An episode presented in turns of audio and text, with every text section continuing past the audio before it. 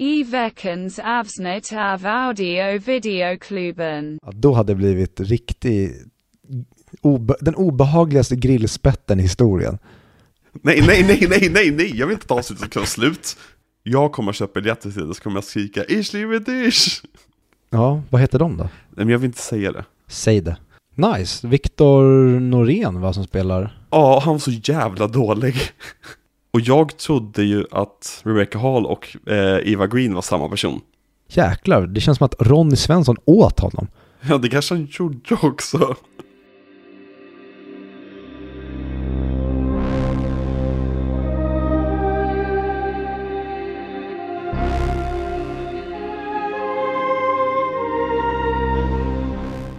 Hej Viktor. Hej Axel Ander. Axelander. Det var precis det mina föräldrar döpte mig till. Är det inte Alexander Bard som vi blir kallade för Axel av hans vänner? Mm, jag vet att det är någon Alexander i alla fall. Det kan eventuellt vara han. Jag för mig det. Att han typ har en teori, eller teori, eller att, så här, att Axel och Alexander är samma namn. Men att det är som två olika varianter av namnet beroende på vem man, vad man har för relation till personen. Anywho, jag hatar när folk kallar mig Axel. Det eller Alex var det värsta. Min farfar kallade mig för Alex hela tiden. Så, he, tror jag så heter jag Alexander eller heter jag Alexander? Mm. En annan sån som jag stör mig på med uttal det är när folk, men det tror jag är vi som säger fel i vår generation, för jag tror att det smeknamnet kom före, men det är när man kallar folk som heter Tobias eller Torbjörn för Tobbe och inte Tobbe. Det, det är väldigt, att kalla någon för Tobbe, det är väldigt mycket den här farbrorn som luktar lite snus i munnen på midsommar.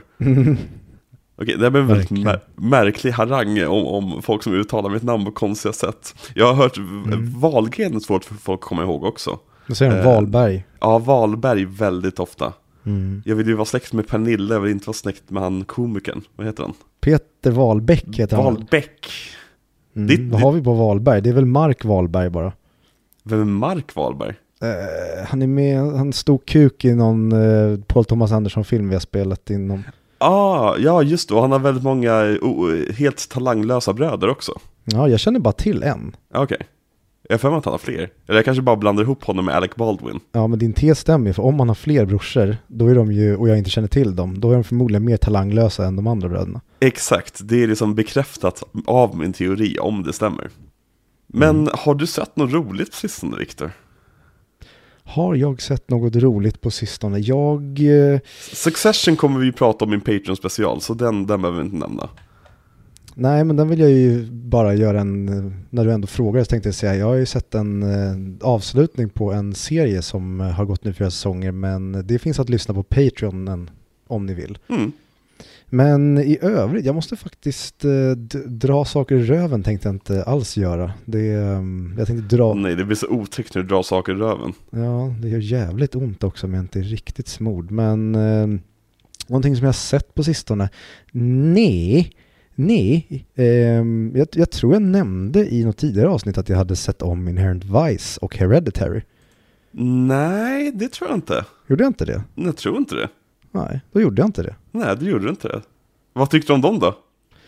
Eh, Hereditary är en helt okej eh, film. Skulle kanske ge den typ ett betyg 5 av 5. En av de bästa skräckfilmerna som jag har sett.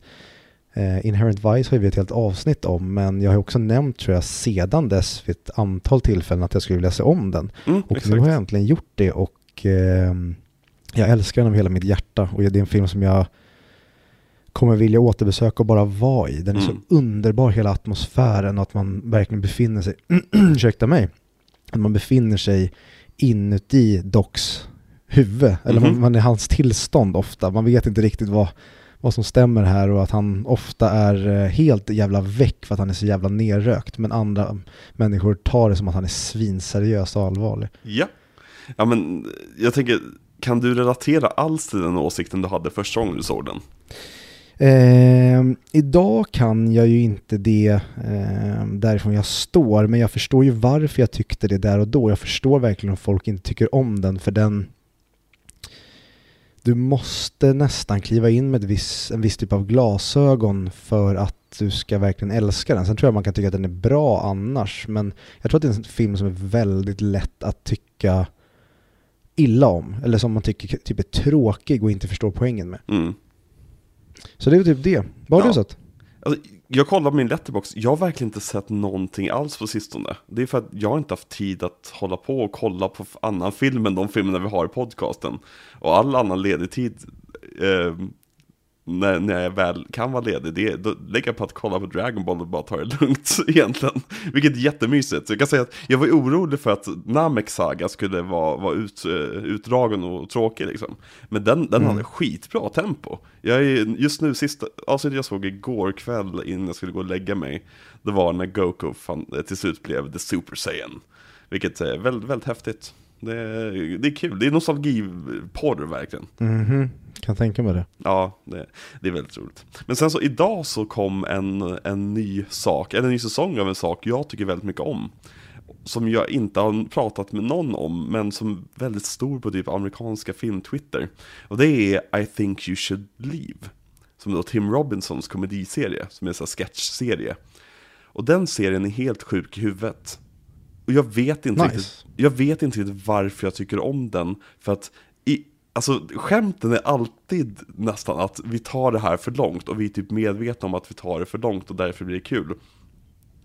Men det görs på ett, på ett sätt det, är typ, det finns massa olika typer av sketcher de har, men en, en typ av sketch är alltid som Tänk dig din mest nervösa tanke om att vara i ett socialt sammanhang Om dina intrusive thoughts skulle få leka fritt liksom Och sen så är det bara en sån sketch med en person som beter sig på det sättet och så får man se det som den logiska slutföljden med väldigt extrema karaktärer. Det är, sagt, det är otroligt svårt att förklara och otroligt svårt att sätta fingret på Men ge, alltså, det är bara swisha förbi om man kollar på det.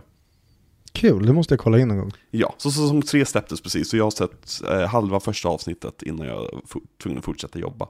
Eh, men eh, hittills är det precis likadant som ettan och tvåan. Att det bara dundrar på i rusande fart framåt och man vet inte riktigt vad det är man sitter och kollar på. Och det är eh, en sketch med en kille som är med i ett datingprogram, typ Bachelor, Bachelorette. Bachelor, Bachelorette heter det.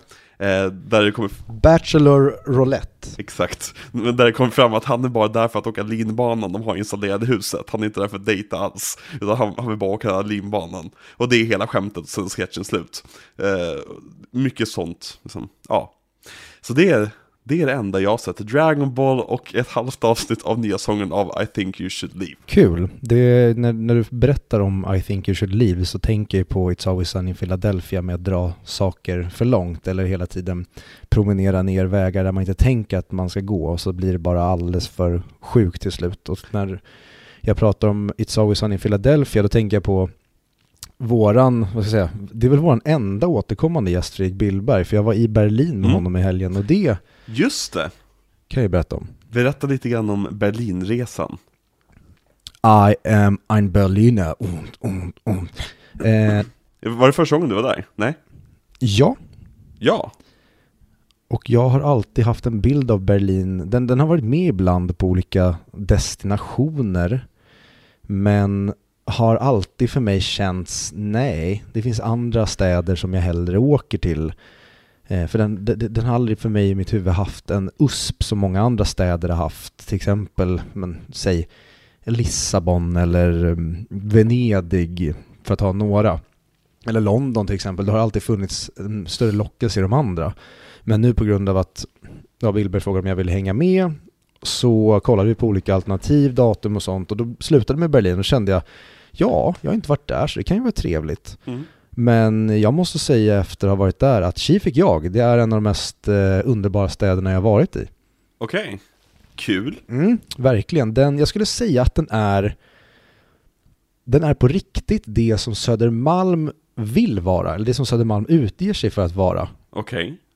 Så Berlin är en kommunistisk stad? Precis, så det var jätteskönt för mig att alla gick på led och så fort någon hade en annan åsikt än vad som var okej, då sköt man den personen. Mm. Så det var verkligen en stad för mig. Nej, men när, nu pratar, eller när jag menar Södermalm, då menar jag att Södermalm känns Södermalm, minst, det var du och jag som blev skrikna på på Södermalm va?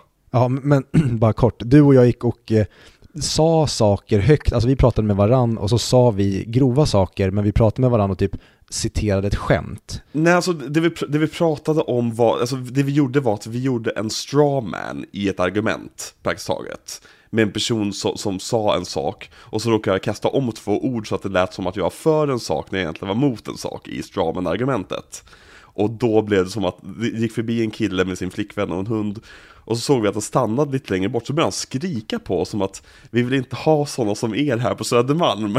Vilket var så jävla kul, för han var, han var verkligen 20 meter bort och skrek på oss. Det var så udda ögonblick. Ja, och det, det är typ lite det som kapslar in vad jag menar, att Södermalm, det, det är så fegt och det är så fake och det vill vara någonting medan Berlin är det som Södermalm vill vara. Berlin är öppet, du får, vara, du får gå runt som transa eller vad fan du vill. Alltså alla åsikter kändes som att de, nu var jag där en turist över en helg, men Mm. he- alla jag mötte hela tiden var att vi skiter i vem du är, var vem fan du vill och så bara kör vi på med det. Men har du problem med att någon är någonting, ja men då kan man ju argumentera om det snarare än att någon börjar skrika om att man är fascist eller nazist. Men jag, till, tillbaka till när han skrek på oss, var det samma kväll som hon kvinnan satt i korridoren? Nej, det är två olika kvällar tror jag. Ja, det, det hade varit för bra för att vara sant. Ja, exakt. Det, jag, det känns som att jag hade minst det verkligen som samma kväll, för att det var så två sjuka. Eh, Egentligen, det, det, det är ingen sjuk historia, det bara var väldigt, väldigt läskigt. Så det ut som det var hämtat direkt från en skräckfilm. Det satt en kvinna på huk framför sin egen dörr i en nedsläckt korridor. Vi skulle gå från långt ner i korridoren tillbaka så att säga och så skulle vi ta en högersväng och gå till hissen. Mm. Men precis framför där vi skulle ta höger så sitter en kvinna i någon slags, det ser nästan ut som ett nattlinne, sitter hon på sina knän. En sån sjukhuslinne. Ja, precis. Sitter hon på sina knän, vänd bort emot oss och vi ser bara hennes rygg. Och det, det, du och jag tittar på varandra som att, händer det här verkligen? För det var så verkligen går sån vi- kliché, The Witch från typ, eh, vad heter det, inte Evil Dead. Eh, Left for Dead. Jag eh, har bara sett YouTube-videos på det. Har du aldrig gibbat, Viktor? Nej, jo, back in the day, men då spelar man typ alltid bara CS och lite andra typ online-spel. Jag, Det här var ju så tråkigt när man väl drog iväg Gibba, skulle, man skulle ju spela någonting som alla tillsammans som var lite kul och som var lite unikt för en gångs skull. Det, var, det är som folk som typ gibbade och satt och spelade World of War- Warcraft hela. För sig, gibba för den anledningen ni vill gibba. Det är, nu ska inte jag sitta här och bestämma hur folk ska gibba. det var därför jag aldrig gibbade igen, för att folk hade åsikter om hur jag gibbade. Ja, precis. Nej, extremt eh, o, okompatibel när det kommer till gibbande. Ja, du, du är ju inte särskilt datanördig av dig. Det har du ju aldrig varit liksom. Nej. Nej, det är, inte, det är inte din stil. Nej, jag gillar att vara ute och leva i den riktiga världen. Berlin. Ja, i Berlin. Nej men eh, tillbaka till Berlin då. Jag älskade staden, jag hade en, ja men vad ska jag säga, spirituellt den bästa resan jag någonsin har haft. Jag kom tillbaka nästan som att jag hade vaknat upp ur en svamptripp och var förändrad i grunden. Ehm, och eh, det enda vi konstaterade i slutet av resan var att fan vad onödigt vi slösade tre timmar av vår resa på Hans Zimmer. Och det är inte för att Hans Zimmer var dålig, det var för att allt annat var så jävla nice. Så vi önskar att vi hade haft mer tid till att bara vara tillsammans i staden. Men vad, vad var det med Berlin som var så jäkla nice? Som, du, som överraskade dig? Mm, framförallt hur, hur rufft det var utan att det var trashigt. Det kändes bara som att det, det var en, en del av stilen på stan. Alltså nästan som att det är en, en, en ordnad person som är tatuerad. Det var väldigt mycket lite, eller vad säger man? Klotter är fel ord. Det är mycket street art.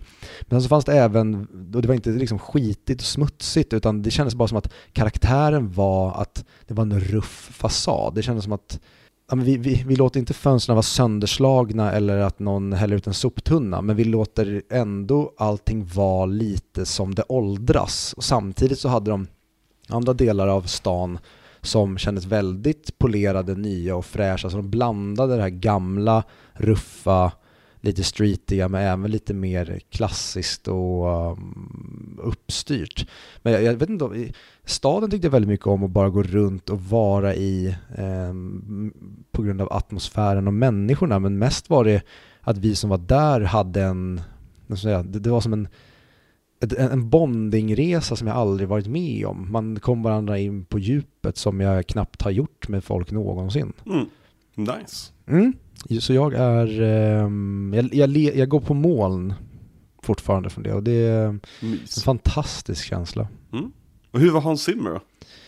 Hans Zimmer var nice, alltså verkligen. Mm. Det, jag skulle säga att det var ungefär som i Stockholm. Problemet var ju nu bara att vi var i Tyskland så att i, varje gång han skulle ställa sig och hylla någon eller prata om någonting, då var det på tyska så vi fattade inte ett skit. Mhm. Men eh, musiken var ju lika mäktig som tidigare. Ehm, Spelade han musiken på tyska? ja, precis. Varenda jävla låt. Han, Mm. han, det ska ju berätta att han sjunger ju till sina låtar. Alla Exakt. andra spelar och sen så har han hittat på lyrics till Mm. dem. Eh, och han kan ju inte sjunga men folk kommer dit och bara stöttar honom för att han tydligen gillar det. Mm. Nej, han sjunger inte alls. Men eh, en, en rolig grej var att eh, första gången jag var på Hans Zimmer i Stockholm för ett år sedan, då var det en snubbe under time, alltså i starten av pianoslingan. Då skriker en snubbe Ich liebe dich! Och alla blir ju skitlacka på att han stör. Mhm.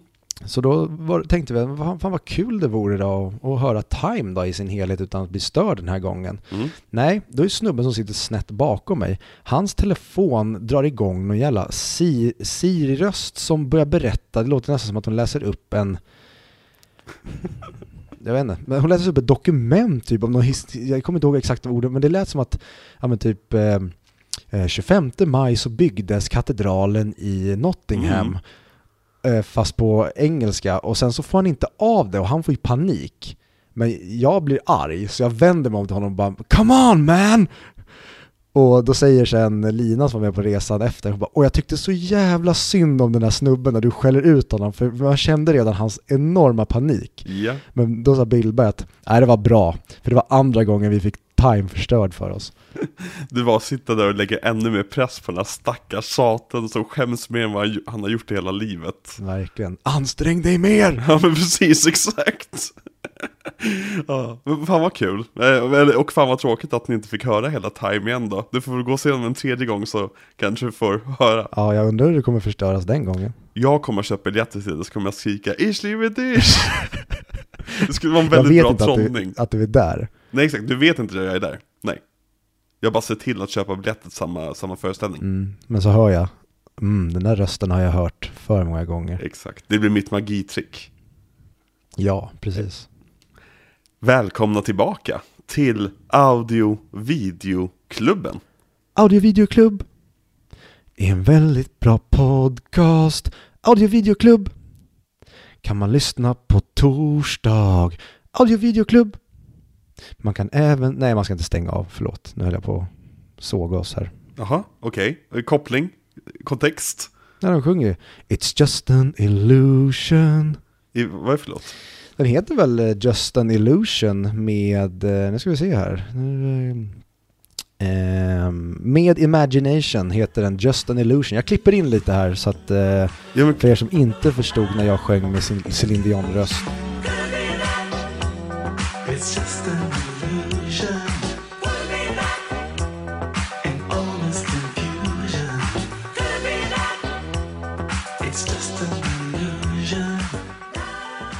Men är det, det, det, är det en låt kopplad till filmen eller bara, tog du bara någon random låt? Nej, de sjunger att det är en illusion. Och jag tänker att eh, vissa saker i den här filmen är en illusion. Ja, man skulle kunna säga så. Eh, vi- ska prata om The Prestige idag. Ja! Och du och jag pratade lite grann innan vi började spela in här om att vi tar ett kort intro. Se här att vi har hållit på i 19 minuter. Det är typiskt oss. Vi hamnar på stickspår. Jajamän. Det är bara så det är.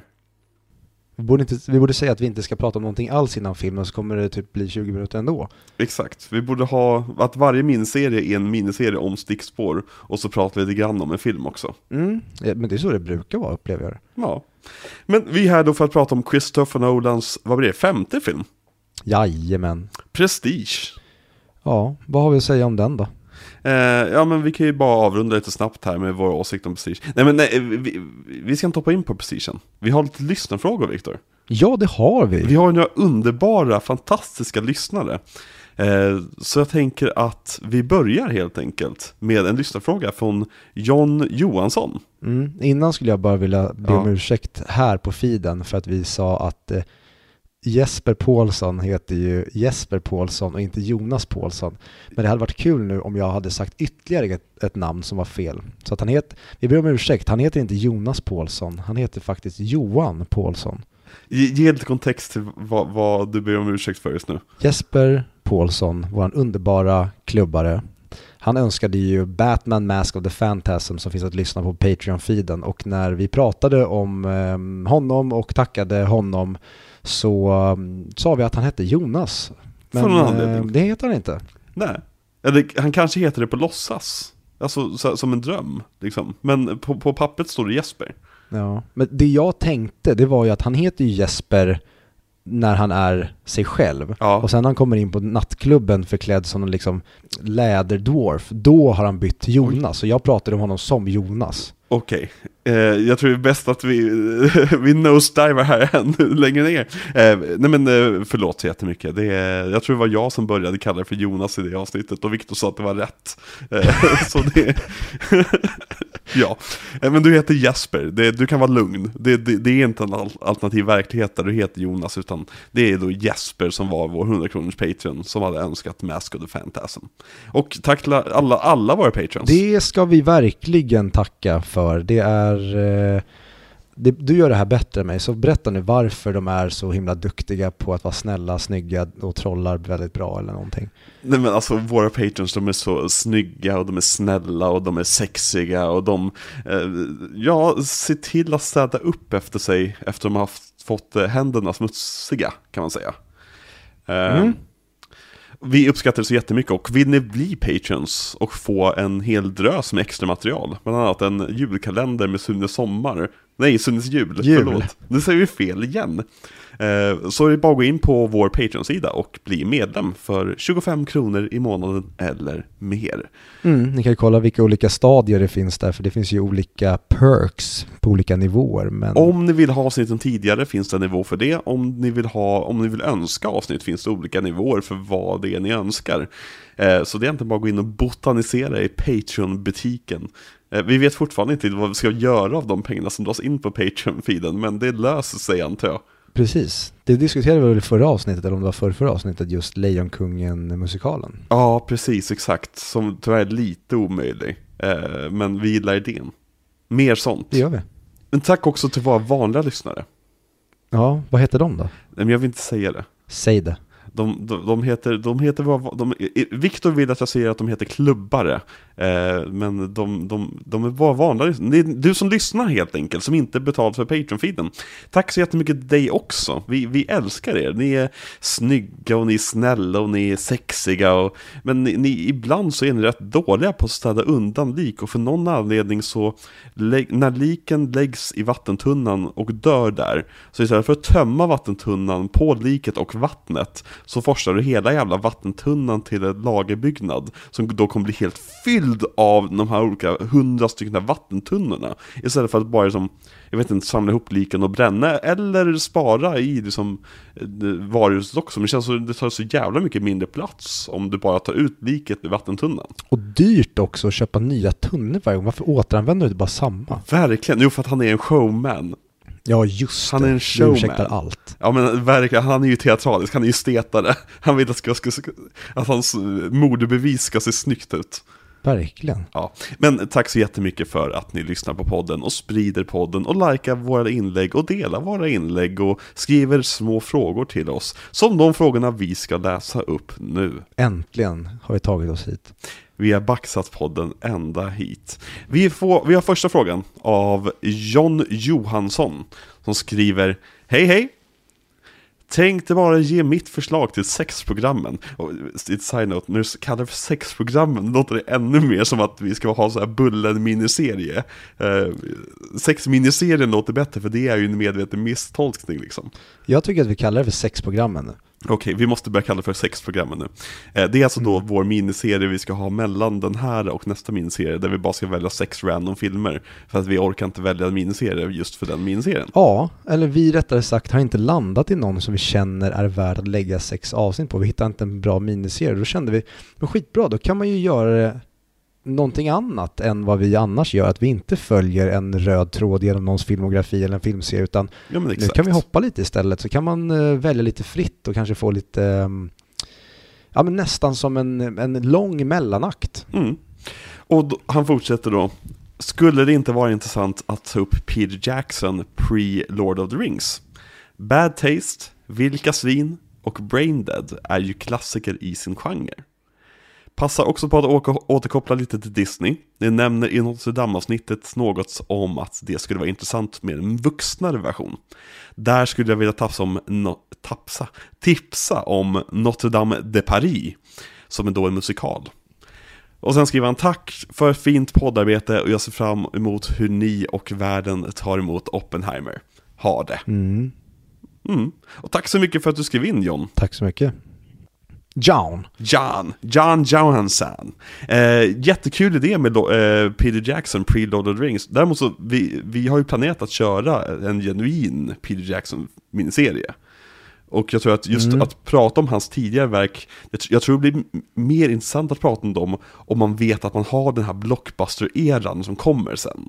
Eh, för att de är ju så verkligen så kontrast, det är en så stor kontrast med de två erorna. Jag håller med. Jag hade verkligen tyckt det varit intressant att välja typ Brain Dead. Hade varit svinkul att ha i sexprogrammen. Men som du säger, jag skulle verkligen vilja köra igenom hela hans filmografi för att där snackar vi inte monstermånga rullar. Han är faktiskt en skitbra regissör att ha när Mm. det kommer till hur många filmer han har gjort. Precis, så, så vi, vi, vi tänker likadant som du. Vi vill köra Peter Jackson, men vi planerar faktiskt köra en ordentlig Peter Jackson-miniserie som kommer dyka upp i framtiden antagligen på den här podcastfeeden. Men om ni har fler eh, intressanta takes om vilka miniserier vi bör köra, eller någon sån här intressant film vi kan köra som kan stå ensam. Vill ni att vi pratar om Don John, Joseph Gordon-Levitt's eh, film eh, i miniserien, så säg till så pratar vi om Don John kanske.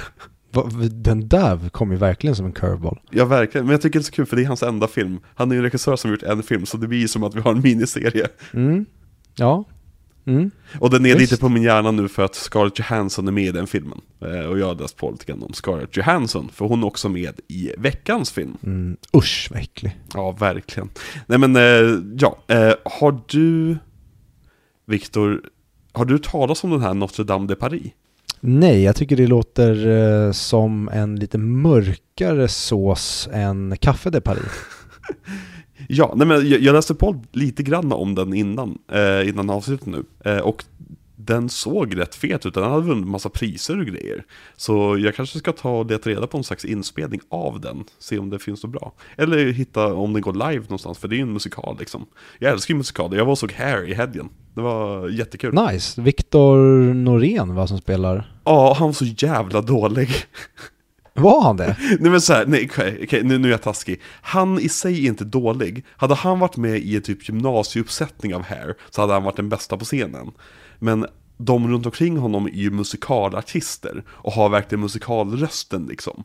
Så de levererar ju på en helt annan nivå, så han känns lite grann som kändiscastingen som inte riktigt kan leverera som alla andra. Mm. Och tyvärr är hans roll den största rollen och får typ de största låtarna. Så. Intressant. Ja, men utöver det var Hair-musikalen strålande på Göta Lejon. Jag tror att den går någon, några veckor till. Eh, så spring ut och fånga en biljett ifall ni är sugna på den. För den kan jag starkt rekommendera. Fångaren. Fånga dagen, fånga håret, fånga Notre Dame de Paris. Nej men eh, sagt, om den dyker upp på, på, på raden framöver så kommer jag ju definitivt hålla koll på den nu. Eh, så tack så jättemycket för tipset. Jag älskar tips om musikaler jag inte sett. Gracias por favor. Och så har vi nästa fråga. Som är då från Staffan Wennberg. Han har jag aldrig hört talas om. Han är aldrig talas om. Det är...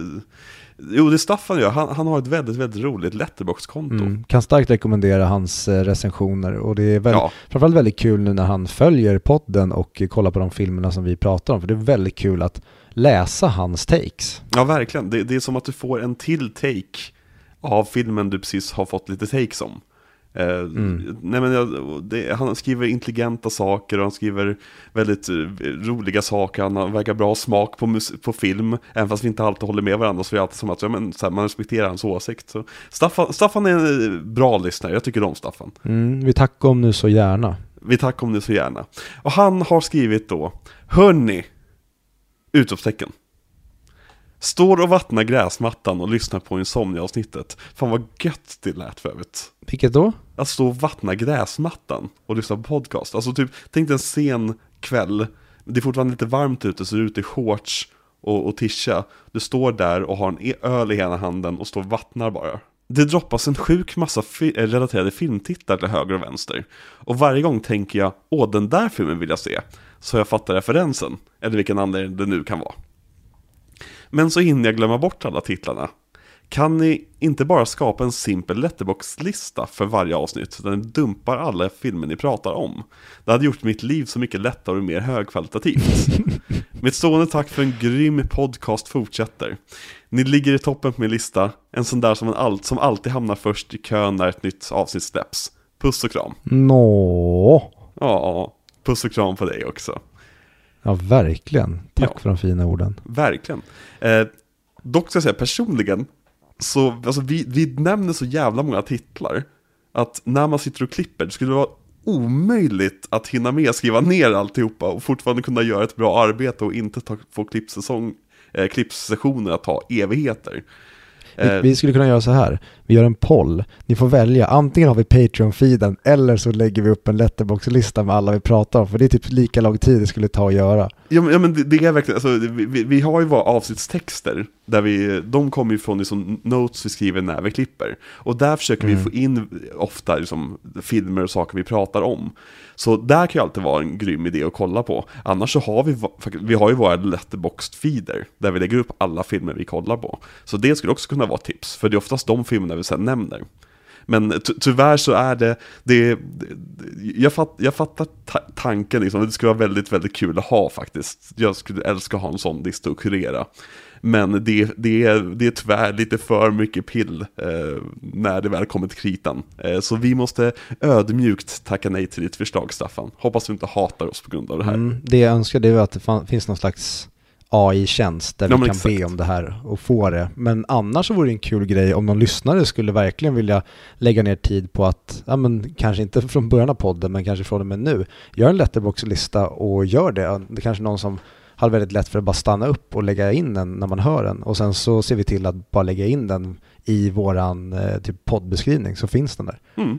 Nej men alltså definitivt. Och om det är någon som vill jobba obetalt för oss generellt sett så är det bara att hojta till så kan det få vara våran intern. Eh, ni kan få vara Cousin Greg här på podcast eh, vi håller på att by- bygga upp. Ja, hoppas i så fall få göra samma kometkarriär. Verkligen. Eh, så det var de två frågorna vi hade. Det var de frågorna. Tack för de fina frågorna. Ja, men tack så jättemycket för de fina frågorna hörni. Det var... Eh, det är alltid kul att få frågor från våra lyssnare. Mm. Ja, interaktionen med er är det bästa tycker jag. Även när ni bara skriver i kommentarsfälten, ger en kommentar eller ställer en liten fråga eller en åsikt. Det är svinnice. Det ger en extra glädje och motivation. Mm. Och för att knyta tillbaka till Letterboxd, alltså det- följ oss på Letterboxd, och, eller skaffa Letterboxd om ni inte redan har det. Det är som sociala medier för filmnördar. Man liksom sitter och rankar filmer och skapar listor och grejer. Eh, jättekul att se det som vad folk kollar på. Och speciellt ni lyssnare, att se, som se vad ni har för åsikter om filmerna vi ser, är alltid väldigt roligt. En favorit, alltså en favoritgrej som jag har, när, när, när vi precis släppt ett avsnitt, så går jag in och kollar, jag följer några lyssnare, och så ser jag liksom att om de här tre har alla sett filmen, åh vad kul, då ser jag vad de olika personerna tänker. Och det är, liksom, Mm. det är väldigt roligt. Jag håller med till 100%. Så följ oss gärna så vi kan följa er tillbaka. Mm? Mm.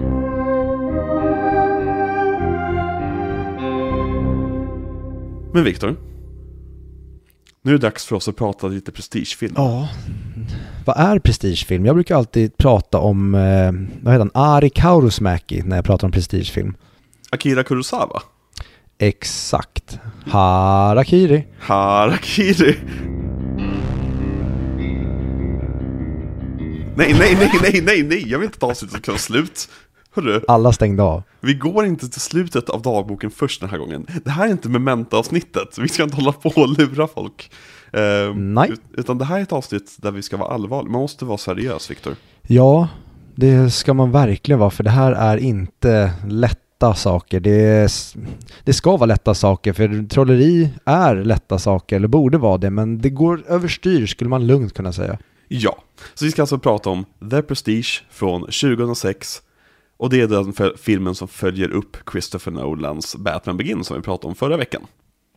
Ja, Ja, och Viktor, vad har du för relation till The Prestige och vad tycker du Ja. kortfattat? vad jag tycker om The Prestige, eller vad jag har för relation till den. Det är en film som jag, jag tror att jag typ hörde talas om den när eh, jag såg Illusionisten första gången. Och jag för mig att jag såg Illusionisten på ett flygplan och tyckte väldigt mycket om den. Och sen tror jag att jag berättade för den, eller om den för någon och den sa, men har du sett The Prestige? Nej, det har jag inte gjort. Och det var innan jag visste vem Christopher Nolan var, vill jag minnas. Mm. Eh, Ja, enligt vad du berättade förra veckan så hade du inte sett Batman Begins laget. Nej, och det är det här, jag, jag, jag, min, eh, min kronologi är lite luddig. Det är eh, för långt bak i tiden här. Ehm, så jag, jag håller mig till den här storyn och eh, kör vidare på det, för det, det är så min headcanon ser ut.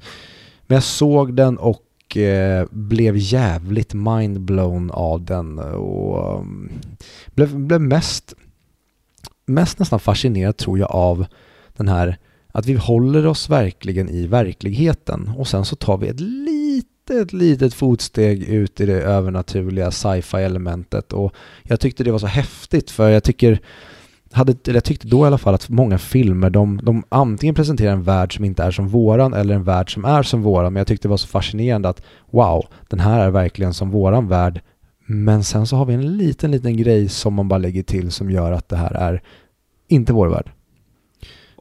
Och det är typ det, alltså jag har inget, någon, någon speciell relation till den. Det har blivit med åren i samband med min relation till Christopher Nolan. Typ. Så det, det är väl typ det. Mm. Vad tycker du kortfattat om den? I fucking love it.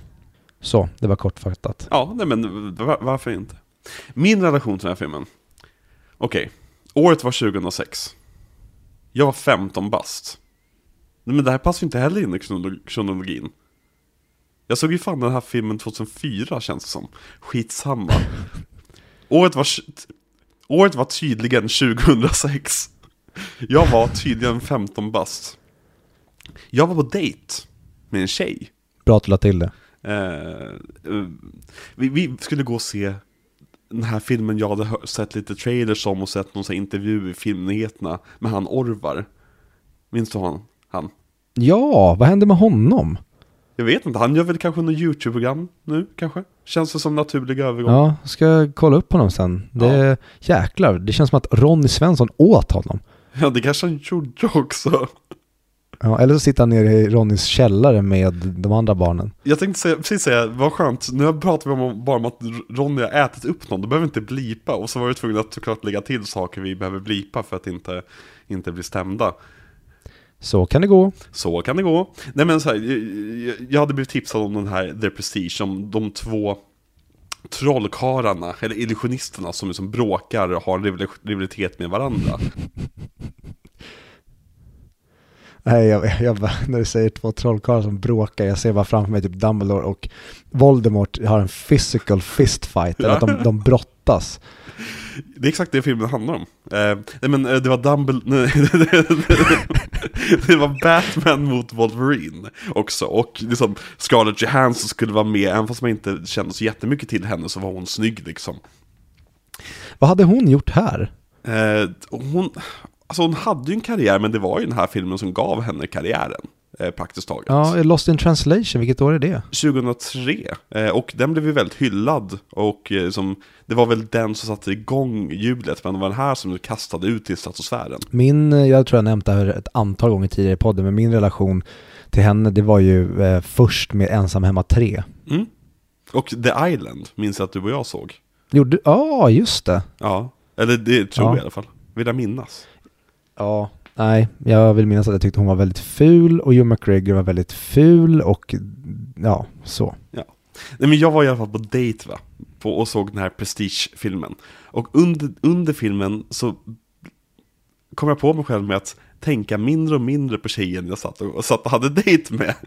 Och blev mer och mer intresserad av själva filmen. Och jag var så jävla tagen av den här filmen. Just på grund av hur, typ, vad ska jag säga, inte dekonstruerad, fast det skulle man säga, den hade en väldigt dekonstruerad tidslinje. För filmen är ju egentligen en man som läser en dagbok om en man som läser en dagbok som har flashbacks i sin dagbok tillbaka till ställen där han har flashbacks tillbaka till ställen. Och de här flash, flashbacksen klipps emellan fram och tillbaka, fram och tillbaka, fram och tillbaka. Och jag bara älskade hur den här filmen la ett pussel framför mig. av, av den här storyn mellan de här två, ja, eh, Dumbledore och Grindelwald som stod och slogs, på marken. Mm. Så när filmen var över så var det typ såhär, oh shit, just det, du är ju här ja. Eh, och det är väldigt roligt, och såklart, för att man var en osäker 15-åring, så skulle jag, jag minns hur jag skröt efteråt om hur, ja men jag, jag visste visst vad twisten var innan, in, innan slutet, jag hade listat ut alltihopa från första början, för, och så vidare. Väldigt kul tonårsmoment. Men det var den här filmen som verkligen fick mig att upptäcka Nolan, för att här fick Nolan ett namn. För att när jag gick hem och googlade vem den här personen var, då var det så här, jaha, det var han som gjorde Batman Begins som jag älskar. Eh, och sen så började jag då gå igenom hans filmografi och jag såg, ja men, ja, Insomnia och Memento då, som var de enda två andra Nolan-filmerna som fanns ute. Förutom Following, som jag inte såg. Ja, för det var en grej jag tänkte ta upp. För, för i, I mitt huvud hur ryktet var här, eller när jag vill minnas hur folk har pratat om Christopher Nolan, då är det den här filmen som sätter honom på kartan. Eller inte sätter honom på kartan, det, det är den här som gör att nu har han tillräckligt många filmer för att nu är han riktigt jävla vass på allvar. Att det är verkligen Memento, Batman Begins och den här som verkligen är wow, det är tre toppfilmer. Nu är vi så snuskigt taggade på vad som kommer härnäst från den här snubben. Exakt, och den här filmen öppnade ju upp så mycket, alltså, det var den här filmen typ som gjorde mig till filmnörd, i mångt och mycket. Den här filmen som fick mig att bli intresserad av att lära mig om film. Alltså jag har ju alltid varit filmnördig som kollat på behind the scenes när Steven Spielberg leker med dockor liksom. Eh, det lät väldigt konstigt. Eller när Aragorn sparkar av sig tån. Åh, åh! Visste du förresten? Att i Sagan om två i scenen när de eh, hittar de brända liken, så sparkar Viggo Mortensen på en hjälm, att hans tå eh, bryts där. Nej, fan vad sjukt. Ja, helt sjukt. Jag har aldrig hört den förut, eller hur? Nej, äh, cool anekdot. Ja, jag måste typ se om de här filmerna. Jag har inte sett dem sedan jag var liten. Och visste du att i Django Unchained, under scenen när, när Leonardo DiCaprio blir arg och skriker och slår handen i bordet, så råkade han slå sönder handen på, på ett glas, så han blöder där på riktigt. Också häftig anekdot. Varför, varför hör man ingenting om sådana här grejer? Verkligen. Du måste, du måste vara med på internet, tänker jag. Ja, jag tror det. Jag vet ingenting, jag kan ingenting, jag har aldrig hört någonting. Ja, nej men ja, den här filmen var den som, den som gjorde mig till filmnörd, som fick mig att börja se annan film än den som serverades framför mig, så att säga. Eh, Jag minns att det var i samma veva som jag såg, jag såg liksom allt som släpptes helt plötsligt. Eh, Det var så jag upptäckte Ryan Johnson med Brothers Bloom. Eh, En film som jag, om den hade dykt upp i mitt flöde idag så hade jag tänkt så här, nej, ser inte, ser inte så jättebra ut, jag hoppar över den. Men som jag är så jävla glad över att jag såg i den åldern. Och sådär. Mm. Saknar cineastår inom citationstecken när man bara slukade allting. Ja men man hade verkligen, man var nyfiken på vad saker och ting skulle vara. Så man, nu är man så jävla jaded till allting. Att säga, ja men jag vet vilken film det där är, oftast har du ju rätt och det är det som är tråkiga. Ja, det hatar att vara filmsynisk nu tiden. Mm. Och det, jag tänkte komma in till det, på det lite grann. Eller så, vi kan komma in på det på en gång egentligen. Den här twisten. För, eh, spoiler alert, vi kommer som vanligt spoila hela filmen. Eh, men twisten att han spelar tvillingar, Christian Bale. Är det någonting som du plockade första gången? Oh, det här det är helt omöjligt för mig att säga. Däremot så har jag sett den, jag har visat den för folk efter.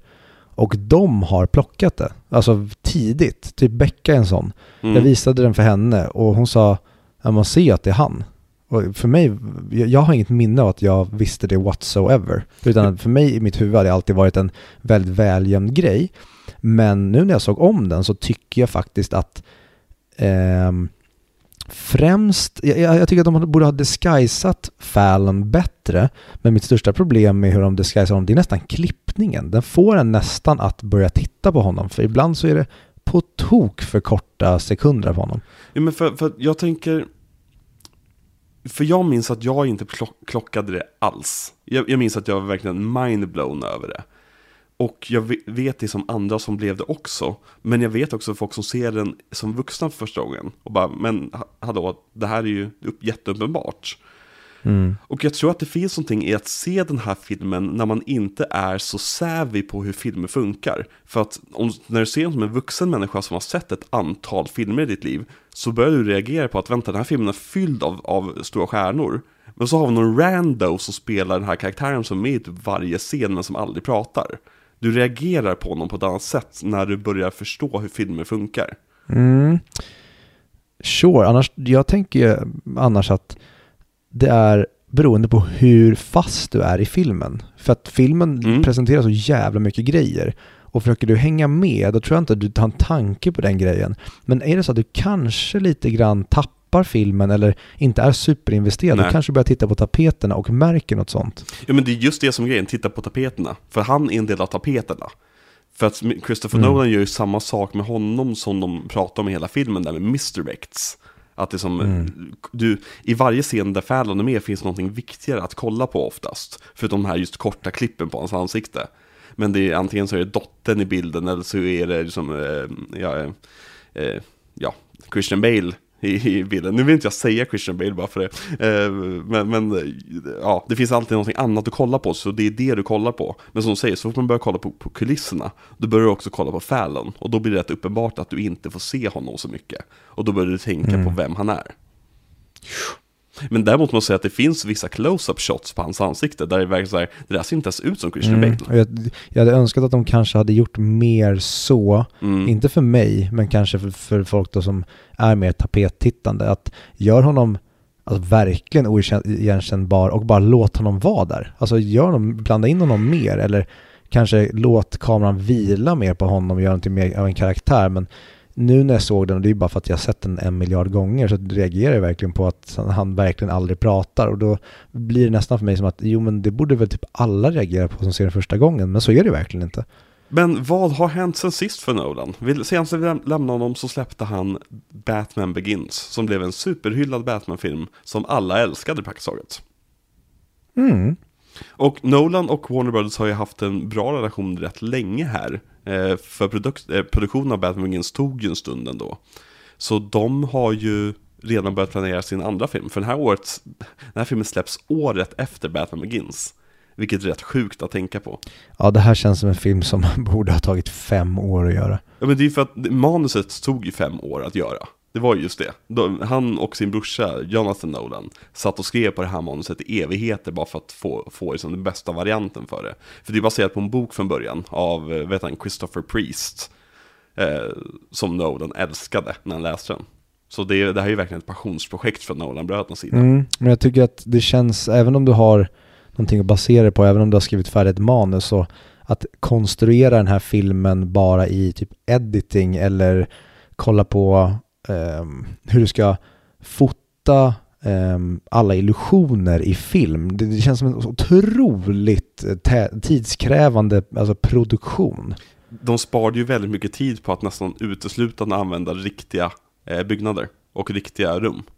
Eh, det finns väldigt få sets i den här filmen. Och det syns. Den här filmen är fucking gorgeous.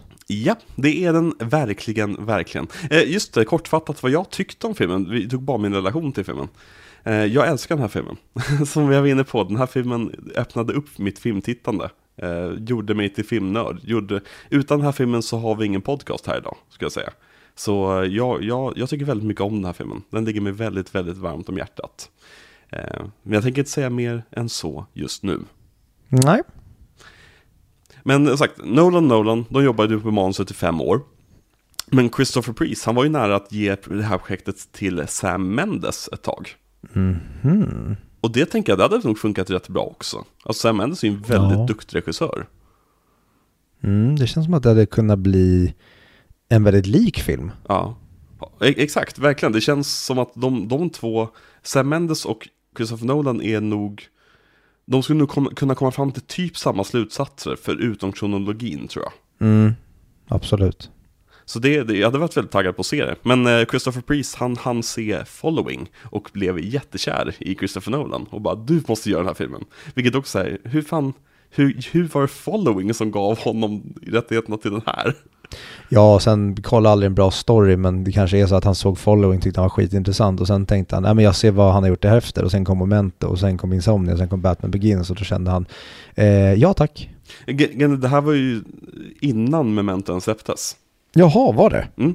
Eh, Memento hade inte hunnit släppas, det fanns Ja, just det, den tog ju fem år att skriva. Exakt, precis. Så eh, ja, eh, de, Den hade ingenting med det att göra faktiskt, tyvärr. För det hade gjort storyn nästan bättre att de såg Memento också som bara säkrade kortet. Men eh, kul för Christopher Priest att han liksom tog chansen på Nolan. Verkligen svinnice. Mm. Men Viktor? Vill du berätta för mig vad den här filmen handlar om? Oj. Ja, du, du jag längtar efter att fråga dig det nästa vecka för det Okej. Det handlar om två psykiskt sjuka, det är tillbaka i den här psykiska ohälsan igen. Det är, Christopher Nolan gillar att göra filmer om psykiskt sjuka människor. Men här handlar det om två psykiskt sjuka män som tycker om att lura andra människor. De gör gärna uppe på en scen. Vill känna sig ganska överlägsna och få folk att känna sig ganska korkade. Och förhoppningen är att de ska bli rika på det här. Kanske fixa snygga tjejer så att de eh, kan vara lite grann som rockstjärnor. På vägen i den här rockstjärne-framgångsjakten så råkar den ena mannen ha ihjäl den andra mannens fru. Kanske, vi vet inte. Vi får, vi får liksom aldrig riktigt svar på det. Men eh, den ena mannen blir i alla fall övertygad om att den andra mannen är skyldig till mordet på hans fru. Eller dråpet skulle man kanske kunna kalla det. Hur dör hon? Ehm, eh, hon drunknar. Okej. Hon, eh, hon får för sig att eh, hoppa upp ett rep i taket och hoppa ner i en eh, vertikal eh, badtunna. Och så Mhm. råkar någon stänga igen, eh, eller så här. Om man ska vara helt ärlig. Det är tre äckliga gubbar som bestämmer sig för att låsa in den här kvinnan i ett badkar och stänga igen. Och så säger de, ja om inte du kan ta ut, ta ut på egen hand, då kommer du att dö. Och så dör hon. Och så blir det en av dem som tydligen tänkte att åh vad fan det är den andra snubbens fel och så säger han men jag vet inte om det var mitt fel, det kan ha varit mitt fel men jag kommer inte ihåg om det var mitt fel. Och så blir de osams och sen startar en eh, nästan eh, livslång skulle man kunna säga, eller en mångårig rivalitet där de smutsar ner och blodar ner sina händer för att egentligen hämnas på varandra genom trolleri och eh, tagande av både kroppsdelar och eh, ledband. Mm. Det slutar med att minst en av dem dör. Och vem är det då? Ja, det är båda. Spoiler alert. Ja. Men eh, för att eh, hela filmen kretsar väl egentligen runt det här som kallas för The Transporting Man. Som är då Mm. ett, ett trick som en av trollkarlarna eh, har kommit på. Och en annan trollkarlen blir helt besatt av att lista ut vad är det här, The Transporting Man, hur lyckas det? Och alla säger till honom att när man använder bara en dubbel, alltså en, en skådespelare som är klädd som sig själv. Det, är som, det finns inget annat sätt att göra det på. Men han är som Mm. Övertygad, besatt av att det finns en lösning och jag ska hitta lösningen. Och det är mycket det filmen handlar om, så han åker ju till USA och träffar Nikola Tesla. Ja, och det är intressant här att vi har en film som, det fi- finns historiska saker som är inblandade, till exempel den här uh, chip mannen som uh, låtsas vara gammal och crippled, han Mhm. är ju en riktig eh, illusionist. Exakt. Eh, och sen så har vi även Nikola Tesla och eh, Thomas Edison är ju med men han är inte med utan vi bara, det pratas om honom och vi får se hans män som eh, jag tycker det är kul att eh, Nolan inte målar upp en schysst bild av Nikola Tesla, eller av eh, Thomas Edison här utan det är Nikola Tesla som är den, den schyssta av de två. Mm. Men han åker ju för att träffa Nikola Tesla för att han har fått ett, ett eh, meddelande från den andra trollkarlen att det var han som hjälpte honom bygga en maskin. Så åker han till Nikola Tesla och säger att du byggde en maskin. Nikola Tesla säger att ja, det kanske jag gjorde. Kan det med pengar? Och eh, han bara, ja men visst jag kastar pengar på det. Och det tycker jag, lite, för att bryta, jag tycker väldigt snyggt hur de bakar in twisten av att han är en rikeman genom hela filmen. Fast rätt subtilt. Alltså att han har lite finare kläder än allihopa. Han befinner sig lite finare lokaler än allihopa. Och så vidare. Han har liksom väldigt mycket pengar. Mm. Han gjorde det som Alfred eh, inte klarade av. Han blev en showman och blev eh, framgångsrik. Eh, men Nikola Tesla bygger då en maskin som visar sig kopierar folk. Och då använder han den här maskinen för att utföra The Transporting Man en gång för alla i hundra föreställningar. Men så visar sig att han dog under sista föreställningen genom att han hamnade i, i en vattentank. Och det gjorde han för att, oj, eh, framea eh, den här to- trollkarlskollegan eh, för mordet på honom själv. Eh, men så visade sig att trollkarlskollegan, hans stora hemlighet var hur han gjorde tra- The Transporting Man, det var att han har alltid haft en tvilling som han delade livet med. Så de får sista ordet när de skjuter ihjäl eh, Hugh Jackman på slutet.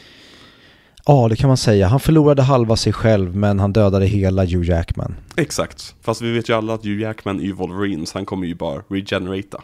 Just det. Och nu finns det en armé med- bort. Det finns en armé med 100 Wolverines under London just nu. Mm. Läskig uppföljare. Det är läskigt. Men ska vi prata oss igenom castlistan för den här filmen? För det finns rätt många skådespelare som är bra. Och Kör finns hårt. det några skådespelare som inte är så jättebra. Eh, vi har först och främst Hugh Jackman som spelar Robert Angier. Ah, Angier. An- Angier. The Great Danton. The Great Downtown. Eh, och Josh Hartnett var ju påtänkt för den här rollen först. Då tackar vi Jesus, Gud, Allah och Buddha för att vi slapp det. Men känns det inte som att jag har sagt den meningen typ 15 gånger i den här podcasten också? Att Josh Hartnett var påtänkt för en roll. Jo, faktiskt. Alltså, hur, hur, hur känns det att vara Josh Hartnett? Att liksom leva det här livet som nästan man? Det blev liksom Mm. aldrig någonting för honom. Men jag får mig att om det var Batcastingen vi pratade om, det var en annan film där det också var en annan skådis som dök upp i, i, i massa olika castings. Alltså jag har bara läst nyligen samma namn på någon. Det är någon snubbe som har fått en ganska dålig karriär, Mm. men som har varit påtänkt väldigt många tunga roller. Och då tänkte jag bara, shit vad han har många sliding doors och Mhm. han fick aldrig några sliding doors. Sam Worthington var ju påtänkt i väldigt många roller. Och han var ju med där ett tag med Bond-castingen och allt sånt där. Det kanske var det han, han tänkte på. Nej, men jävlar vad skönt att James Cameron tog honom så att resten av världen slapp honom. Ja men lite granna, lite granna. Men Hugh Jackman, vad tycker du om Hugh Jackman överlag? Jag var länge inte jättesåld på honom. Han var ju såklart Wolverine för en, men utöver det så det var aldrig någon som lockade mig. Eh, I alla fall när jag växte upp och, och länge vill jag minnas. Men sen var det en person som bara växte och växte och växte och ju mer jag såg med honom där det inte var Wolverine så bara började jag tycka mer och mer om honom och sen så finns den där kända intervjun där det är hans gamla elev som intervjuar honom på röda Mm. mattan och han känner igen honom och sa att ja, jag var din eh, gympalärare back in the day och då är, då är jag såld. Jag, jag verkligen blir så jävla svag för sånt där Mm. när man känner igen var man kommer ifrån och han genuint verkar vara en svinhärlig människa och verkar tycka om och Ja, men han, han, han har varit gift med sin fru svinlänge och sådana grejer Mm. också imponerar väldigt mycket på mig. Men som skådespelare så jag, jag tycker att han är helt otrolig och för ibland det känns som att folk pratar om honom som att han bara skulle vara liksom stor och snygg och kanske inte vara så jäkla duktig. Men här snackar vi ju en alltså, toppkvalitetsskådespelare som egentligen skulle kunna göra vad som helst. Ja, men jag tänkte på det när jag såg den här filmen, att hans skådespelarteknik är väldigt annorlunda från Christian Bales skådespelarteknik. Men båda två är otroligt bra. I det att Hugh Jackman, han är ju en scenskådespelare praktiskt taget. Han är ju väldigt stor i sin rolltolkning hela tiden. Han, han, han är ju en, en klassisk skådespelare som man hör varenda ord han säger och man hör vad han, vad han försöker få fram och sånt där. Och han är så jävla bra på att leverera lines i det modet. Medan Christian Bale är ju liksom den här method acten som ska, det ska kännas naturalistiskt. Han mumlar mycket när han ska leverera lines. Det är väldigt mycket att du ska känna att karaktären är karaktären. Och att de här två får mötas, det gör så jävla bra i det att Christian Bale har ju ingen karisma alls när han står på scenen. Medan Hugh Jackmans karaktär har all karisma när han står på scenen.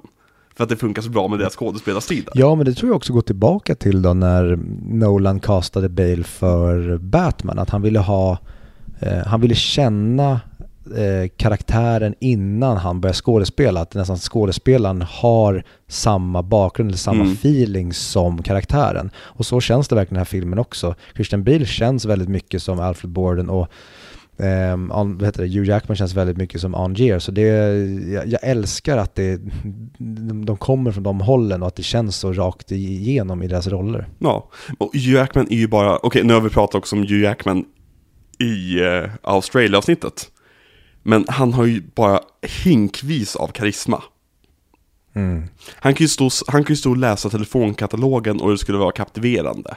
Ja, och jag skulle följa honom överallt. Han, han känns som en otrolig ledare, han, han har han har en sån otroligt sympatisk aura men han har samtidigt den här pondusen, han kan kännas farlig, han är sexig, djurisk men samtidigt så skulle jag köpa honom som typ vetenskapsman, vilket jag gör, jag för mig att det är det, precis det han spelar i The Fountain av Darren Aronofsky. Mm. Han är någon typ av forskare i alla fall. Mm. Och ha- som jag säger, jag tycker han kan rocka vad fan som helst.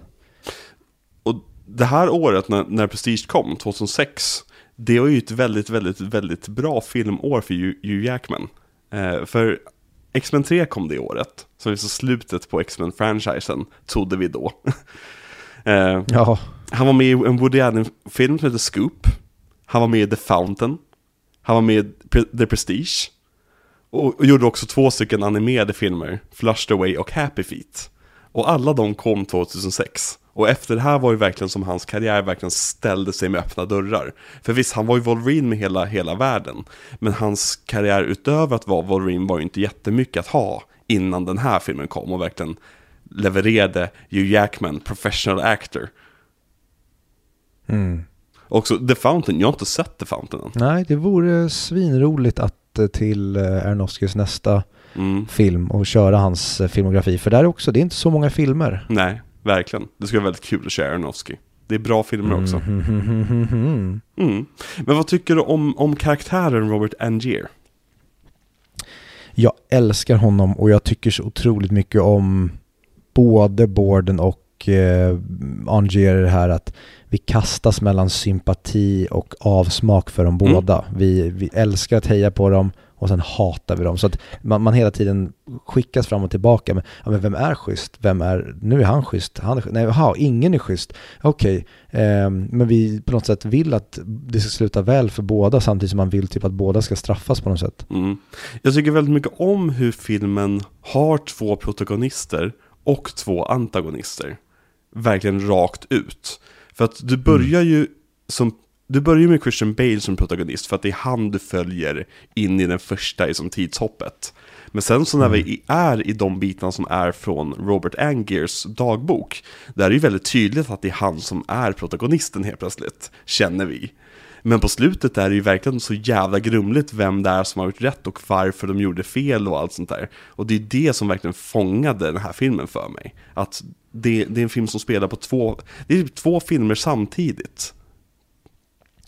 Ja, han, han gör nästan som ett så Scorsesiskt ark att du har, en, du har en rise story för de båda samtidigt som du har en fall story. Du, du både hyllar och fördärvar dem och som du säger så gör man det med två karaktärer samtidigt och sen så hoppar du i tiden. Så filmen är komplicerad nog, eller vad säger man, den har lager på lager och eh, trolleritrick trolleritrick trolleritrick. Men sen så har du också vad du gör med deras, alltså, vad säger man, deras ark och att de, deras ark inte är linjära.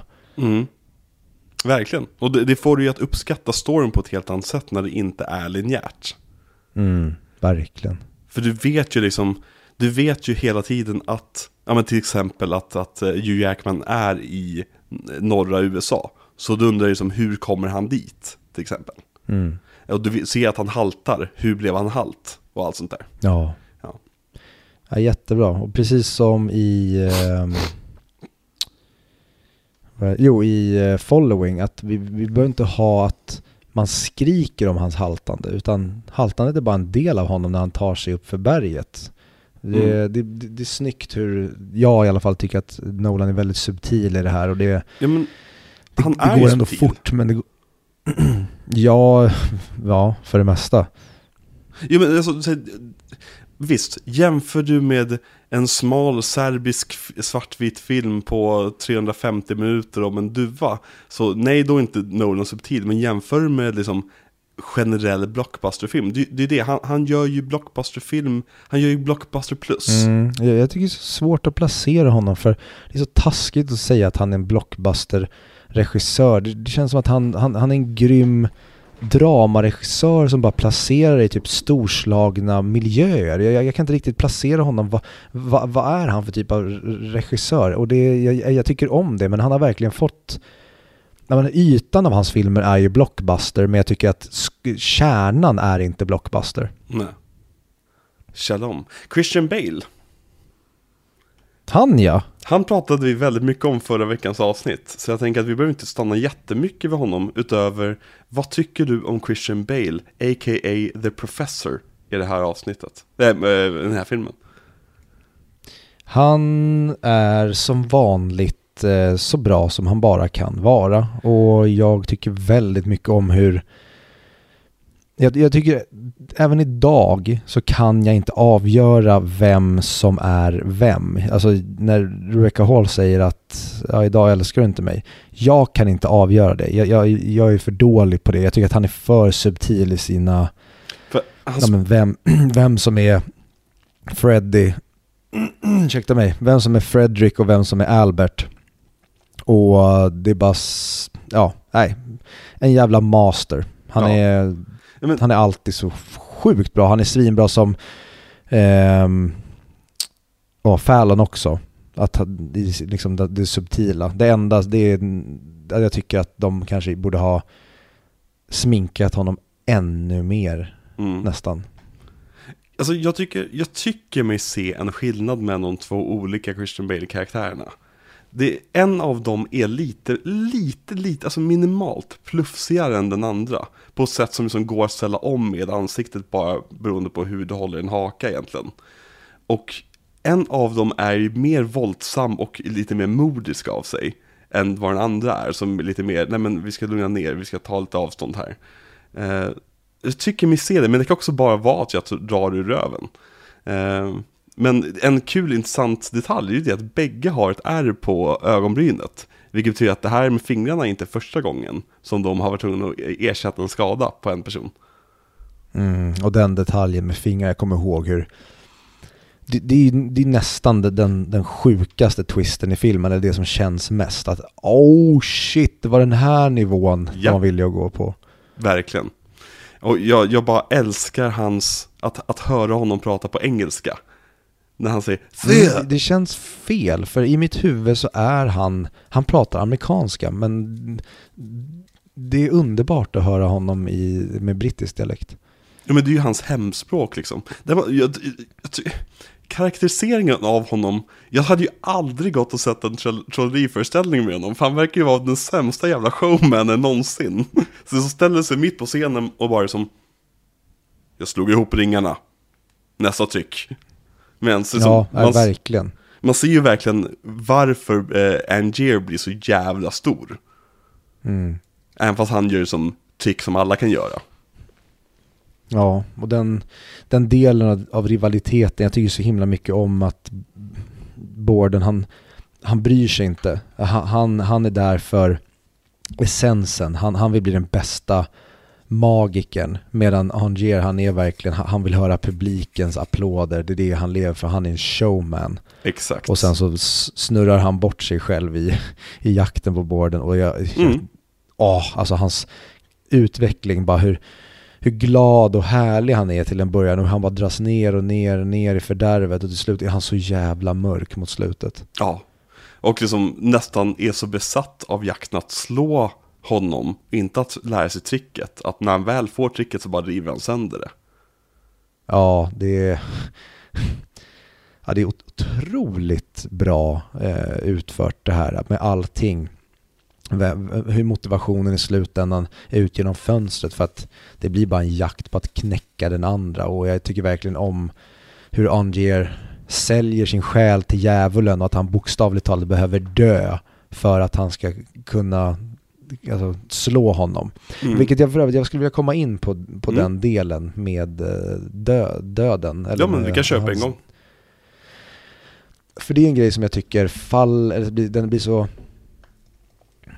den blir så himla far-fetched. Det, det finns såklart argument eller svar på varför men jag, jag tycker det, det blir nästan när man ser filmen en andra gång eller tänker på det så, så faller väldigt mycket.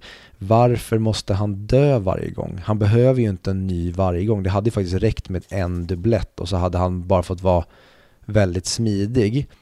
Men det som jag då rättfärdigar i mitt huvud det är att han är rädd för att det ska bli som med alkisen. Men jag tycker jag köper inte riktigt det för det var inte han.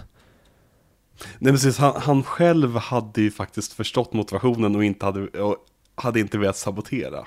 Men jag tror att han är mer besatt av att visa att han kan slå honom på riktigt. För han vill inte att det ska vara en double. Han har ju varit anti-double från första början. Han tror inte att det här löses med en double. Och nu har han äntligen hittat ett bättre sätt att göra det på än till och med det som, som Borden har. Så för honom att använda sig själv som double så hade det nog funkat bra, men det hade varit anti, liksom hans antites till vad han ville hitta och, och ville göra. Ja, du menar att han, han måste dö för att den andra personen ska få stiga ut där uppe och därför så i hans, egen, i hans eget huvud så är han aldrig en dubblett, det finns bara en jämt. Nej men i, i, alltså, det får, alltså, om, vi säger att han hade gjort en kopia av sig själv och sen använt den kopian till att utföra tricket på ett jättebra sätt. Då hade han använt sig av en double, så att säga, i tricket. Och han vill inte att, att lösningen på tricket ska vara det var en double, för han tycker att det är så simpelt. Det här tricket var ju så pass magnifikt att, att lösningen måste ju vara någonting spännande, någonting större. Så han kan ju inte, och även om han får fram sin double på grund av någonting större, han har bokstavligen klonat sig själv, så he, en, alltså hela essensen med tricket, hela grejen med tricket är att jag har en roligare och mer svårlöst lösning än att jag har en double.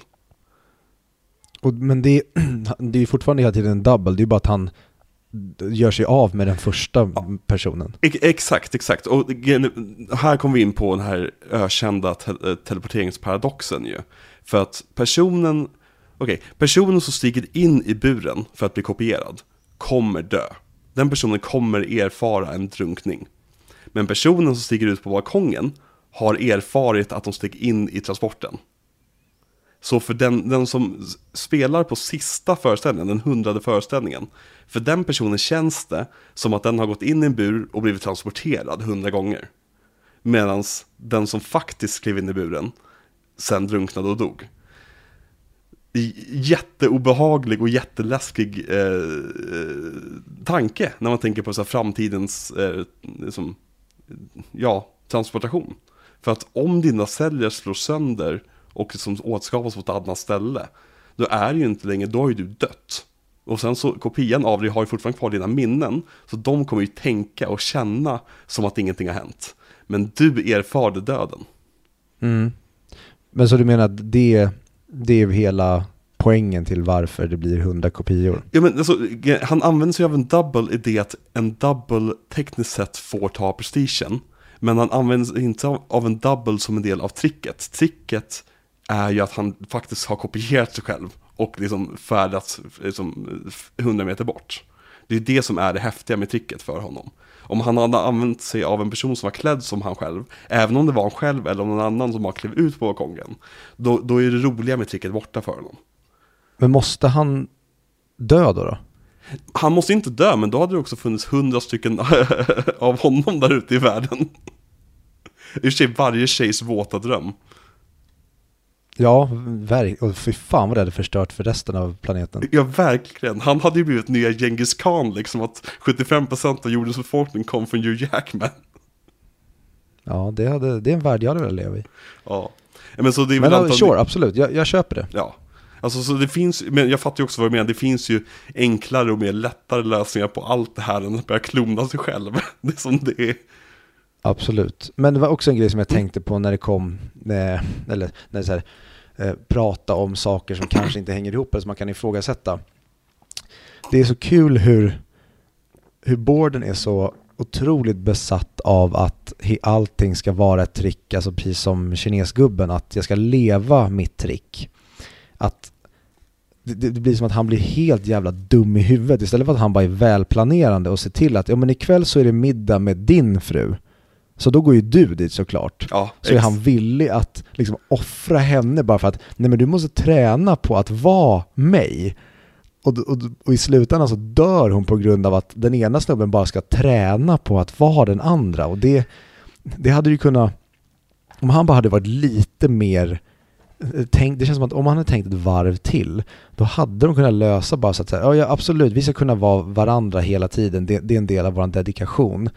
Men idag så är det bara, det är alldeles för mycket huvudvärk för alla, inklusive oss själva, Mhm. om det är du som dyker upp. Kan vi bara snälla vara lite enklare här, för det, i utfallet blir inget annat, men du kanske inte behöver träna på level hard och så slutar det med att alla, eller frun dör och den andra kvinnan lämnar dem. De, de hade kunnat lösa det snyggare de här jävlarna, men fan vad de är desperata, eller vad säger jag, desperata, de är dedikerade. Mhm. Alltså, det är så sjukt också för att på grund av att man sitter och kollar på en film så ifrågasätter man ju inte allt det här konstiga som händer med tvillingbytena.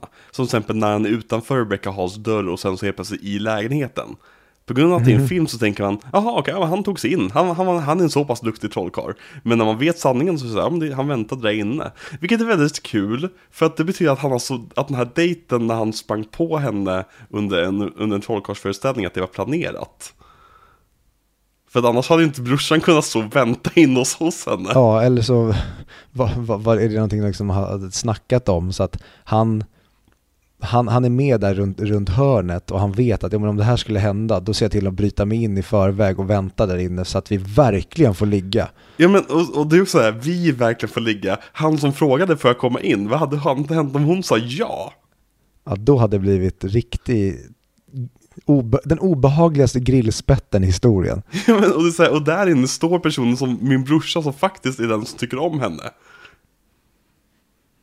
Ja, ja, Ja. det... ehm, Det måste vara ett jävligt jobbigt Nej, han- liv, han- som du säger. Alltså, det måste finnas ett snyggare sätt att göra det här på. Än att hela tiden använda det för att gö- göra roliga reveals för sig själv typ. Ja, ja, men det är nä- nästan som att de, de är sådana sjuka narcissister de här brorsorna, att de gör det bara för, för sin egen, sina egna kickar. Ja men, och bara det att, att ha med sig Fallon överallt. Att ingen reagerar på Fallon. Att så här, den här creepy gubben som inte säger ett enda ord, som bara går runt och kollar ner i marken. Som alltid är runt honom. De hade skulle nästan gjort honom till hans livvakt eller liksom någon, kanske gett en mer kommentar på va, varför han varför han håller käften hela tiden. Men det är samtidigt ingenting jag minns att jag tänkte på överhuvudtaget. Det är mer när man ska sätta sig och dissekera filmen. Mm. Men precis som ett magitrick, så fort du börjar dissekera, ja men då tappar det magin. Precis, och du hinner aldrig sitta och dis- dissekera här för att du får nya saker som händer hela tiden. Den här, den här filmen är ju ursinneslös i sitt tempo. Den bara dundrar fram. Ja, och ändå är, är den så himla långsam. Alltså Mm. långsamma åkningar.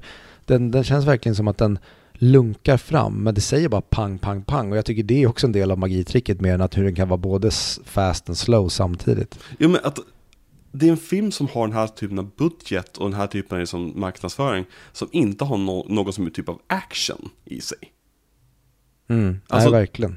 Det, det mest actionpackade sekvenserna är ju när de gör trolleritrick på scen typ. Ja, och när, jag skulle nästan säga den, det som är verkligen actionscenerna för mig, det är när allt går snett.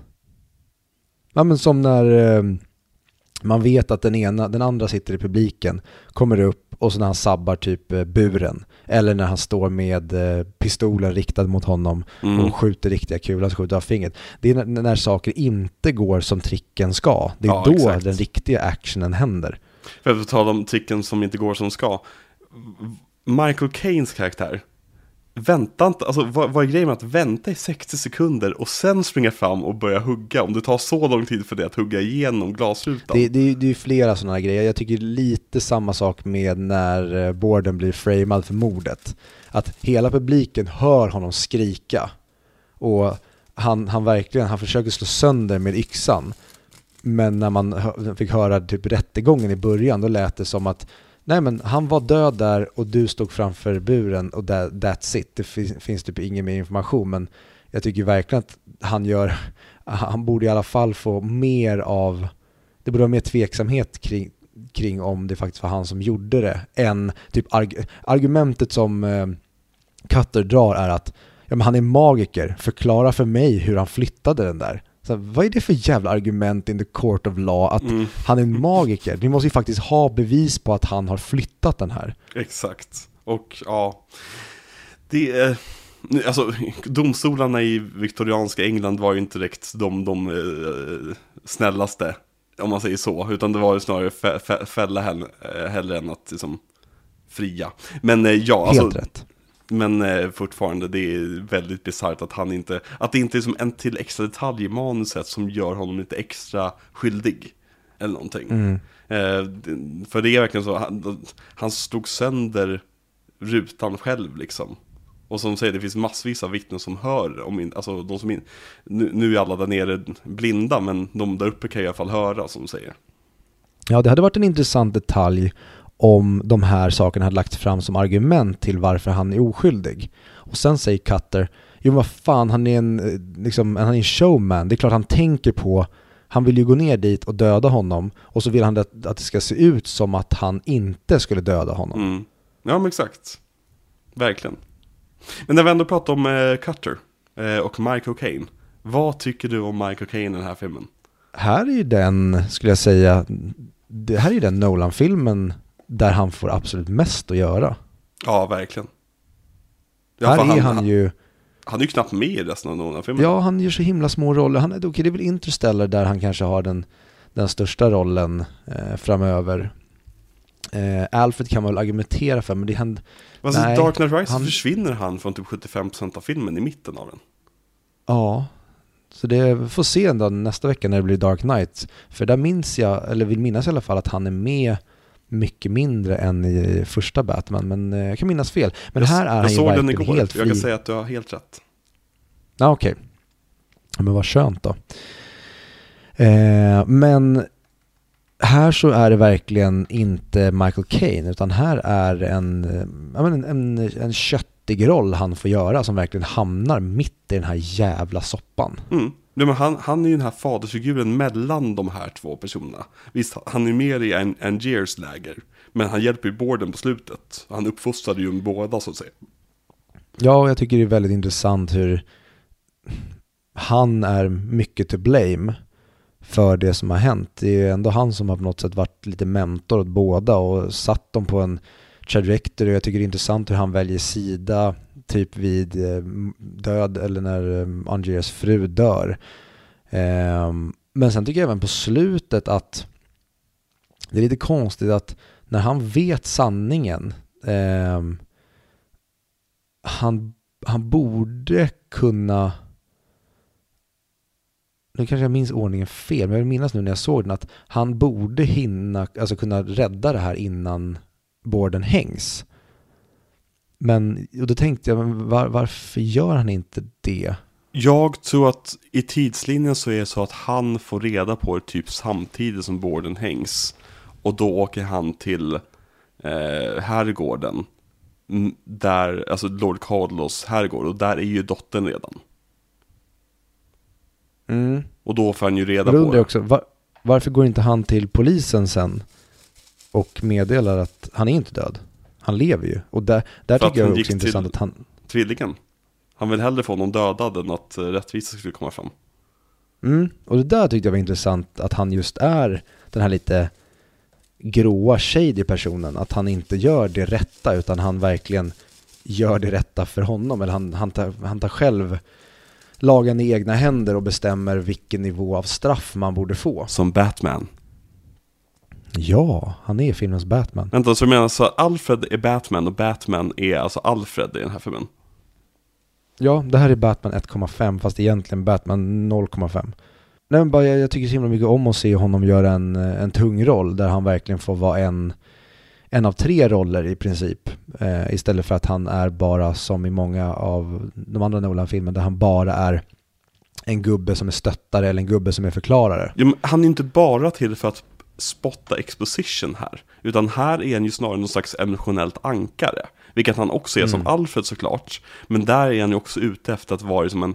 Där är han ju mer av en kugg i maskineriet. Snarare än en del av maskineriet. Mm, ja verkligen.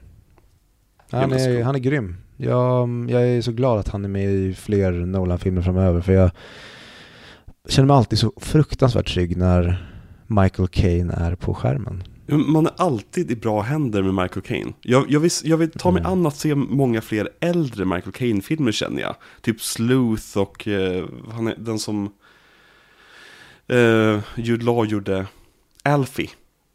De här filmerna som Mm. verkligen är som eh, ihågkomna. Italian Job och sånt där. Jag med. Kanske det vi borde göra i sexminiserien. En uh, Michael Caine miniserie. Ja, varför inte? Men det är jobbigt när vi typ haft en Michael Caine miniserie med Nolan. Ja, i och för sig. Det, det, nej. nej. Vi går vidare. Scarlett Johansson. Ja, som vi pratade lite om i eh, Marvel väl? Ja men precis, vi hann ju prata om henne i eh, Iron Man 2 och i Avengers. Men hon spelar ju då Olivia Wenscombe tydligen, i hennes karaktärsnamn.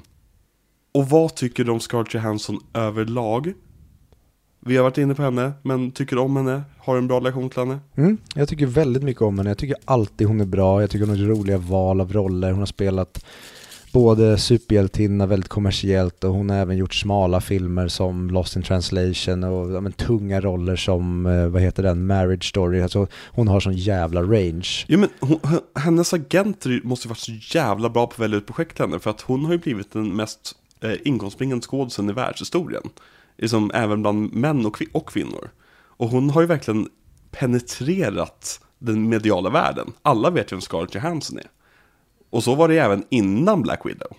Ja, hon är en eh, otrolig filmstjärna och ja, hon har så mycket gratis med att hon är liksom en av de vackraste kvinnorna som typ någonsin har levt. Men hon, hon, hon är rolig, hon har tyngd, alltså hon kan, hon kan precis nästan som Hugh Jackman, hon, hon kan göra allt. Hon, Mm. Det spelar ingen roll vad du sätter henne i för miljö. Hon, kan, hon skulle kunna spela forskare också i princip. Hon, hon kan verkligen lock, alltså landa allting. Och det är kul ändå att det här är så pass tidigt och hon har ändå så pass stor roll. När jag tänker på den här filmen så tänker jag på att hon typ har mindre roll än Rebecca Hall, vilket hon verkligen inte har. Hon, hon var verkligen, hon är viktig för plottens skull. Mm.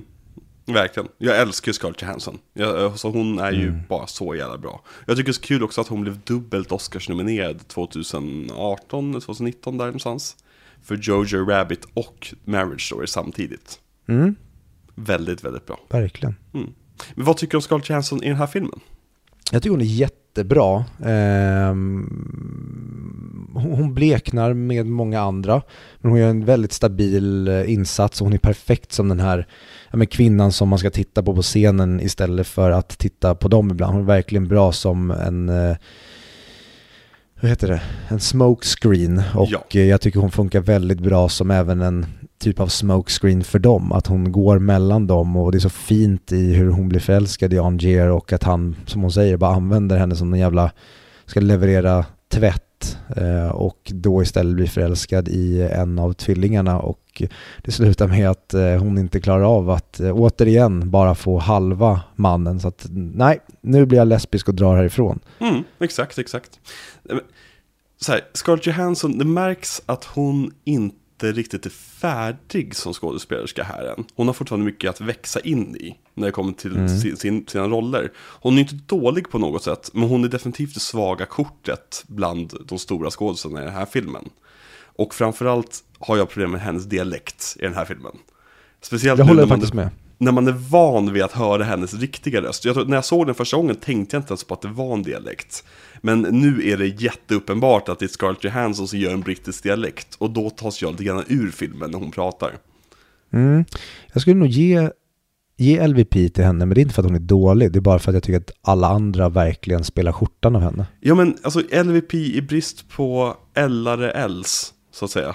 Mm, verkligen. Ja, Nej, men eh, ja, ja, jag håller med dig. Och liksom, jag tycker att hon, som du säger, är jättebra som det här medvetet kastna ögongodiset. För att det, är det, det finns en anledning för trollkarlar har snygga assistenter på scen. Och min ena förstått där, det är för att det är dit man ska kolla när de gör sina tricks. Så att du inte ser hur trollkarlen gör sitt tricks. Och att kasta den här personen som redan då var på tapeten och liksom i samtalet som den snyggaste kvinnan på jorden. Det, du, du meddelar ju din intention med, med den castingen. Och nu visar det sig att hon var en jävligt bra skådespelerska också. Men hon hade knappt behövt vara det, för hon får ju inte jättemycket att göra i filmen. Mm. Nej, men jag tycker ändå att hon får en del att göra. Jag tycker väldigt mycket om när hon går mellan dem och hon är ändå, ja men typ när hon säger till eh, Borden att nej, men lämna din familj hemma. Jag tycker om när hon ändå får någonting att Mm. säga till om. Jag tycker om när hon är awkward vid middagen där när hon sitter mitt ifrån Ja, mitt emot sin älskares fru. Eh, och jag tycker om hur, hur hon pratar med Anger, hur hon hela tiden typ motiverar honom och vill honom Mm. väl och väldigt omtänksam och frågar, tänker du på din fru? Och ja, men jag, jag, jag gillar hennes funktion i filmen. mm. Eh, Jag med. Jag bara önskar att hon hade fått typ lite till. Alltså säg 10 minuter Mm. mer screen time. Speciellt framåt slutet på filmen tänker jag. eh, att hon får ett ordentligt avslut från filmen. För det känns som att hon lite grann bara droppas ur filmen, snarare än att hon får gå ur filmen. Mm. Ja. Jag förstår vad du menar. Sen har vi nästa namn på listan, eh, Piper Parabo. Som tydligen har jättebra agenter för att så här högt, hon, hon hamnade högt upp på castinglistan. Det, det är ju en, alltså den, castingen på en film, alltså bildningslistan på en film, är ju ingen slump. Och det är inte heller en lista om vem som är viktigast i filmen. Utan det är ju en, en förhandling som sköts av agenterna och studion. Och det här, alltså det finns ju jättemånga kända exempel på när sånt har gått helt åt helvete. Ta till exempel i Oceans Eleven. Eh, den, dens bildning skulle vara, vara i alfabetisk ordning. Så skulle det vara Clooney, eh, det skulle vara, nej, eh, Cheadle först och sen Clooney. Men, men eh, företaget som gjorde filmen ville ju inte ha att Don Cheadle skulle vara första namnet på posten. De ville ju ha Clooney först. Så de skulle ta bort Cheadles namn från eh, överraden. Då valde Cheadle att ta bort sitt namn från filmen helt och hållet. Så han är textat uncredited i första Oceans Eleven-filmen. Så liksom det finns en jättestor förhandling, så när du ser ett namn i en viss ordning, det finns, det, det, it's a science behind it. Det är rätt kul att se liksom vilka som har kämpat mot, mot varandra. Batman är också ett känt val, där Nicholson fick första bildning. Och så bredvid honom står Keaton. Men egentligen, om man tänker, det är ju Batmans film, det hade ju kun- logiskt hade det varit Keaton Nicholson. Men Nicholson Mm. förhandlade sig till att det skulle vara Nicholson Keaton. Men Piper Parabo har på något sätt lyckats nästla sig över både Andy Serkis och David Bowie. Hur som helst, vad har du för relation till Piper Parabo? Jag tror inte jag kan nämna en enda film hon är med i förutom Coyote Ugly. Exakt det jag tänkte också. Jag såg Coyote Ugly, eh, ja okej nu, nu är det nästan åtta år sedan, men jag har sett Coyote Ugly en gång i vuxen ålder. Och eh, hon sticker inte ut så mycket och jag kände inte så mycket för henne överlag. Men jag tycker hon funkar jättebra i den här filmen. Ja, hennes funktion är klockren. Precis som Scarlett Johansson, väldigt vacker och man förstår verkligen att Hugh Jackman sörjer henne. Ja, men, alltså, och, återigen så är Nolan så jävla bra på att kasta de här döda fruarna som ska dyka upp i som minnesflashar. Eh, Mhm. Och det är väldigt, väldigt bra på. Eh, och jag tycker om hennes självsäkerhet i karaktären. Hon känns väldigt självsäker i att ja, men jag kan ta mig ur den här knopen. Liksom, det ger, visst det är ju Bordens fel, men det är också lite hennes eget fel allt som händer, så att säga. I det att hon faktiskt går med på den extra utmaningen. Och så vidare. Ja, och jag, där skulle jag vilja liksom ställa frågan hur kan han inte veta vilken knut han knöt? Och om han inte vet vilken knut han knöt, titta på liket. För att, nej men Viktor, det här är ju en del av hela eh, twisten ju. Varje gång han får frågan så är det personen som inte knöt knuten som får frågan. Och personen som knöt knuten säger att nej men jag knöt den knuten jag skulle knutit. Och personen som inte knöt knuten sa att, ja men hur dog hon då? Vilken knut knöt då? Det är han, personen som får frågan vet bokstavligen inte vilken knut som knöts. Och de har antagligen bråkat jätte Men men nu, nu förstår jag inte. Pers- Vi, vi säger att, eh, vad kallar de? Eh, Alfie och, nej, eh, Al, Albert och Fredrik. Fredrik. Vi säger att det är Fredrik som knöt knuten som dödade henne. Mm. Och så är Alfred, eller Albert, den enda person som, i varje scen vi får se honom få frågan, så är det Albert som har fått frågan. Vilken knut knöt du? Vilket är samma fråga han har ställt till sin bror. Vilken knut knöt du? Och brodern, kanske inte vill erkänna det. Han kanske, han kanske inte vill prata om det alls. Varför de, eh, han säger senare i filmen I've been asking myself that a lot lately. Och jag tror att han menar inte metaforiskt, utan han menar det bokstavligen. Jag har frågat min brorsa vilken knut han knöt. Han vill inte prata om det. Så den som får frågan vet bokstavligen inte vilken knut det är. Och det provocerar skiten i Hugh Jackmans karaktär. Jo, och det köper jag inte för att han vet ju, alltså personen som har knutit, knutit knuten kan ju lösa hela problemet genom att han bara säger vilken knut han har knutit. Men det är bara första problemet, för jag tycker det är konstigt, ni ser ju vilken knut för att hon kommer ju inte loss. Mm. Det kanske skars upp.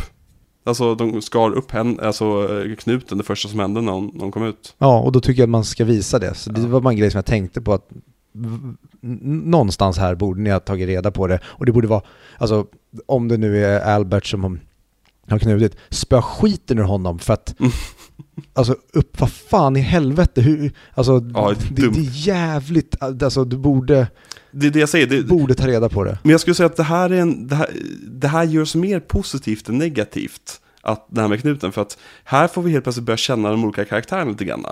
Han som knöt knuten, han tar den, i mina ögon, så som jag fantiserar ihop nu, kanske lite sämre moral. Han kanske är den som är lite mer mordisk av de två. Och jag menar inte att han vill döda henne, men han, han är eh, ans, lite ansvarslös. Och han liksom gör saker som så här, men det här funkar, jag vet vad jag håller på med. Medan han som faktiskt kom på begravningen ville visa lite empati. Det är han som inte får ett ärligt jävla svar ur sin brorsa. Så jag skulle säga att det här bygger de karaktärerna när vi vet twisten. Jag, jag köper det du säger, men jag, vad säger, jag, jag, jag, tycker inte att det räcker. I, jag, jag tycker att det räcker så i förklaringen, men jag tycker inte att det räcker i filmen. Eh, men det, det är också en grej, jag, tror absolut inte jag har tänkt på det de första gångerna, utan det var någonting jag tänkte på nu. Mm. Jag, bara, eh, jag förstår också hur, hur du menar, det är väldigt så här, kolla på knuten. Verkligen. Men eh, ja, om man försöker gå runt det så kan man hitta omvägar runt det också. Men eh, Piper Parabo, Piper Parabo, vem är nästa? Vi har Rebecca Hall i sin andra filmroll. Ja, Ja. och eh, där snackar vi en kvinna som får saker att göra. Eh, ja, Sarah, Sarah Borden. Först och främst, Mm. så jävla bra karaktär. Jag älskar, Väldigt bra karaktär. och jag älskar hur Nolan använder sig av den här tropen av den hysteriska frun som inte fattar någonting alls. Genom att göra henne till en hysterisk person som verkligen inte fattar någonting alls för att hon blir gaslightad konstant. Ja, det, det är så sorgligt vad han, vad han gör med henne och när, när, när hon väl hänger där så känner man Åh gud vad skönt att du får vila. Ja men verkligen, det känns som att hon får, hon får fly från den här jävla situationen. Och Rebecca Hall är ju briljant i den här filmen. Och det är hon Ja. alltid. Ja, hon är, hon är otroligt bra på att vara neurotisk är fel ord, men liksom vara hela tiden på balans, alltså precis på väg att börja böla. Hon, hon är otroligt bra på att låta känslorna vara på väg att bubbla över, men hon gör aldrig. Hon har gråten i halsen. Hon och Julian Moore. Alltså, ja, precis. Mm. Men Rebecca Hall, hon var ju nästan på Oscarstapeten förra året. Eh, med en film som heter Resurrection. Som jag i det här Oscarsracet såg typ 10 minuter av och sen kände att det finns andra filmer jag behöver se, alltså viktigare filmer som faktiskt var nominerade. Men den filmen tyckte jag jättemycket om, eh, det lilla jag hann se av den. Mhm, vad handlar det om? Eh, jag kom aldrig så långt. Vadå, du vet inte vad det är för film? Nej, Ja. Alltså jag läser all, nästan aldrig på om filmer längre. Eh, just för att jag vill ha lite överraskning i och med att jag är så medveten om alla de här stora filmerna som kommer kan man ju typ utan till när de väl dyker upp på skärmen. Så när jag upptäcker, när folk säger typ att ja, men Rebecca Hall är skitbra i, success, i Resurrection, då, då, då stänger jag bara liksom att ja, men jag behöver inte läsa någonting mer. Får jag chans att se den så ser jag den bara. Eh, och jag hann se tio minuter och det, det, hittills handlar det om en tjej som flyttar in i ett hus. Om jag minns rätt. Ehm, och så, länge så kommer jag inte. Men det det lilla jag fick se var jättebra. All right. Ja. Men en pinsam anekdot om Rebecca Hall. För den här filmen kom ju året efter, eh, nej samma år som Batman, nej, eh, Casino Royale. Och jag trodde ju att Rebecca Hall och eh, Eva Green var samma person. Va? Jag trodde de, jag, jag tyckte att de var så lika varandra. Alltså identiskt lika varandra. Och nu när jag liksom har en relation till bägge två på ett annat sätt. Då är det ju så konstigt att tänka på det sättet, för de är ju väldigt olika. Men båda två är liksom brunetter och har liksom, ja, jag vet inte. Ja, nej den, eh, den var far fetched. Ja, verkligen. Men har du haft någon så här eh, kändisar som du trodde verkligen att de här två personerna var, sa- var samma person? Mm, men jag kommer fan inte på någon nu på rak arm. Leonardo DiCaprio och John Candy. Ja, men ja, jo i och för sig, men den fattade jag ju när John Candy dog. Jag tror det var Leonardo DiCaprio som dog. Mm. Så du satt och grät. Floder.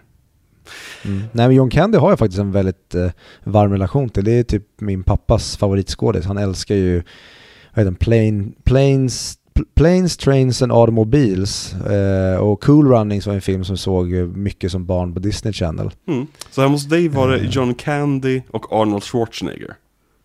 Ja, min pappa gillade stora män. Ja men verkligen, det, är så här, det spelar ingen roll vilken kategori de är stora. Han vill bara att männen ska vara stora. Och det har ju du ärvt också.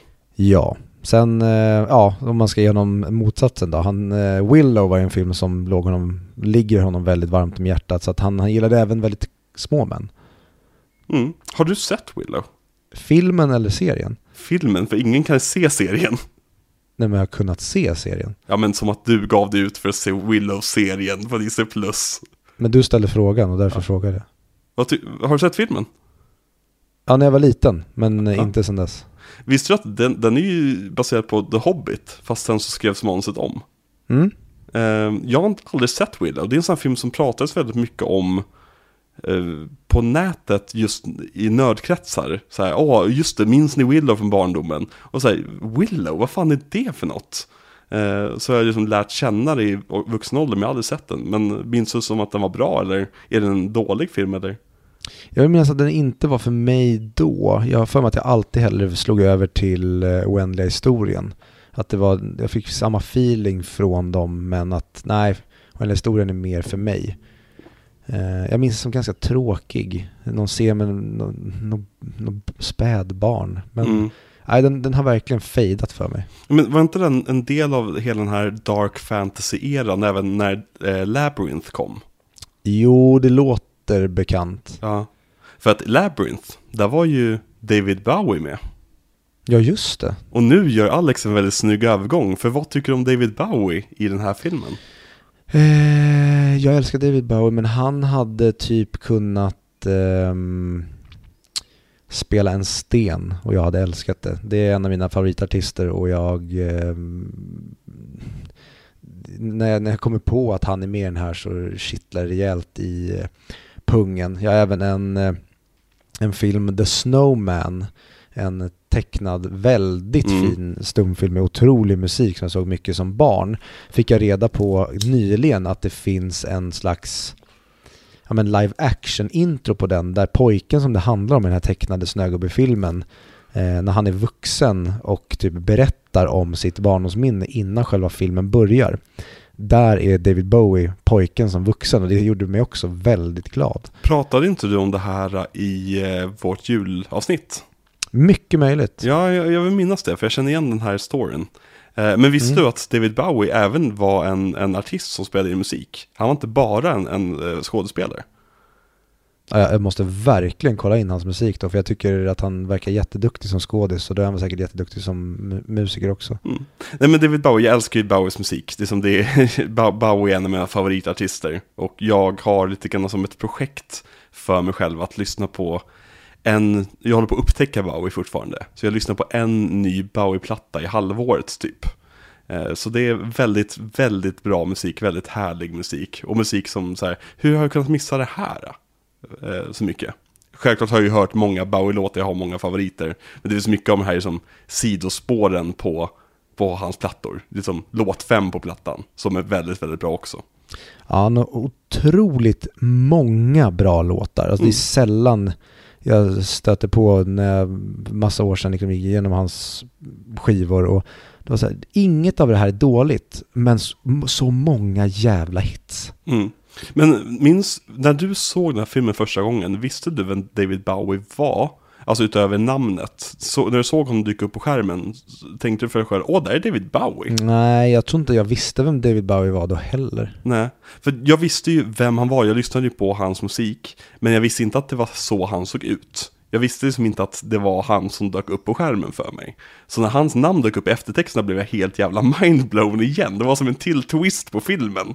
Och sen bara det här att han har sina konstiga ögon, där pupillen är trasig på ett öga. Som gör så att den är större, liksom. Det gör så att Tesla känns ju så jäkla udda på något sätt, otherworldly. Och han har ju den airen runt omkring sig också. Men han känns som en trollkarl. Ja, ja men det är verkligen, och han spelar ju väldigt många, alltså David Bowie spelar väldigt många konstiga roller. Han spelar ju också eh, Pontius Pilatus i Last Temptation of Christ. Jaha, Eh, Scorsese-filmen med eh, Willem Dafoe i huvudrollen. kul. Har du hört att eh, Scorsese ska göra en, en Jesus-film till? Men Är det att han börjar bli senil och har glömt den första eller? Nej men han hade tydligen ett långt möte med påven och kom ut därifrån med tanken om att han ska göra en till Jesus-film. För han är ju katolik liksom. Eh, så vi får se hur, hur det blir. Men jag är jättetaggad på Killers of the Flower Moon. Och att se Leonardo DiCaprio sitta vid ett middagsbord tillsammans med sin fru. Jag med. Mm. Men vad tycker du om, om David Bowies roll i den här filmen och liksom just Nikola Tesla? Jätte, jätte, jättebra.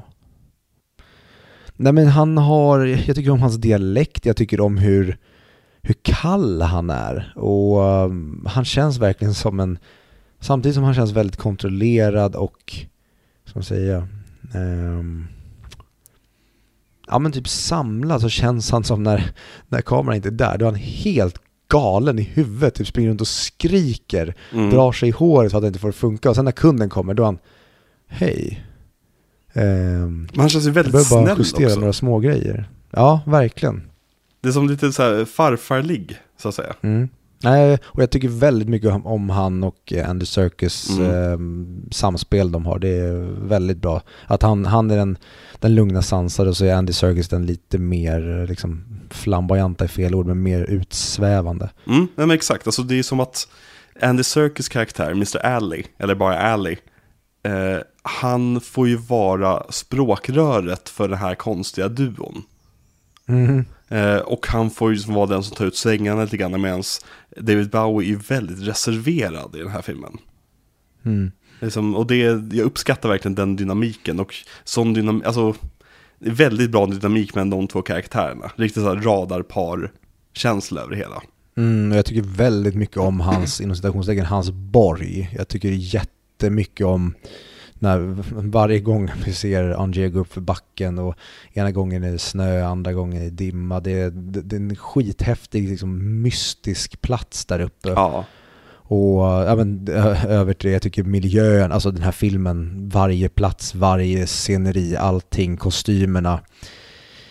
Det, jag tycker ofta idag när filmer görs att när det ska vara kostymdrama, framförallt en annan tid, så det ser alldeles för filmiskt. Det ser ut som att det verkligen är uppstyrt. Här ser det bara ut som att vi befinner oss i den här tiden. Allt känns så otroligt organiskt. Nu jag håller med till 100%. Det är så här, den här filmen får mig aldrig att ta mig ur filmen. Den får mig aldrig att känna att jag sitter och kollar på en filminspelning. Utan det känns som att de Nej. har åkt tillbaka i tiden och spelat in en film. Mm. Och det är som, eh, bara, alltså castingen som David, med David Bowie, det skulle ju kunnat slå snett så jävla hårt. Det skulle kunna blivit, kolla här är David Bowie! Men det är verkligen inte det. Ja, någonting som jag tyckte var coolt, det hade Mm. varit om de hade eh, istället för att skriva David Bowie skrivit David Jones i creditsen. Faktiskt.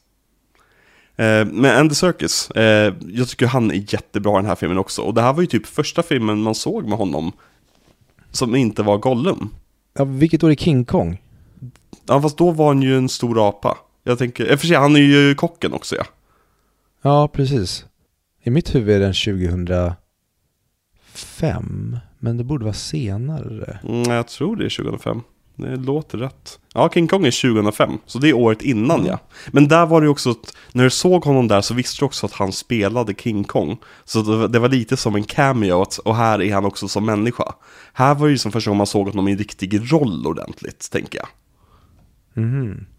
Eh, Men jag kollade upp liksom vart han började någonstans för att man tänker någonstans att ja, men han föddes eh, liksom 98 och hoppade in i en grådräkt det första han gjorde och började spela Gollum. Mm. Men hans första film var faktiskt en film som heter Prince of Youthland där Christian Bale spelade huvudrollen. Jaha. Mm. Och det är också det är väldigt mycket korspollinering i den här filmen. Eh, Jag berättade ju att Hugh Jackman var med i en film, en Woody Allen-film. Det är en film med, eh, hans kärleksintresse spelas av, av eh, Scarlett Johansson. Jaha. Och den filmen handlar om en trollkarl. Så det är väldigt mycket, väldigt, väldigt, väldigt ja, alla, alla är med i varandras filmer här. Eh, Men har du någon sån här favorit Andy Serkis eh, performance? För han har gjort så många bra vid det här laget känner jag. Ja... Eh, jo, innan. Eh, också en kul crossing, det är ju att Rebecca Hall och Scarlett Johansson spelar med varandra i Vicky Kristina Barcelona. Sen. Exakt, och det kommer ju typ året efter va? Ja, i mitt huvud är det en 2007-rulle, ja. Mm. Mm. Kan säkert vara en 2008. Men ja, Andy Serkis, vad skulle kunna vara hans bästa roll? Den som direkt jag tycker nästan han alltså, levererar bäst, jag älskar hans Kapten Haddock. Ja, verkligen. Eh, Men jag tänker nog mer där han kanske man får se hans ansikte. Det är ju någon nu som jag verk som bara flyger rakt över mitt huvud där. Alltså jag skulle säga Caesar.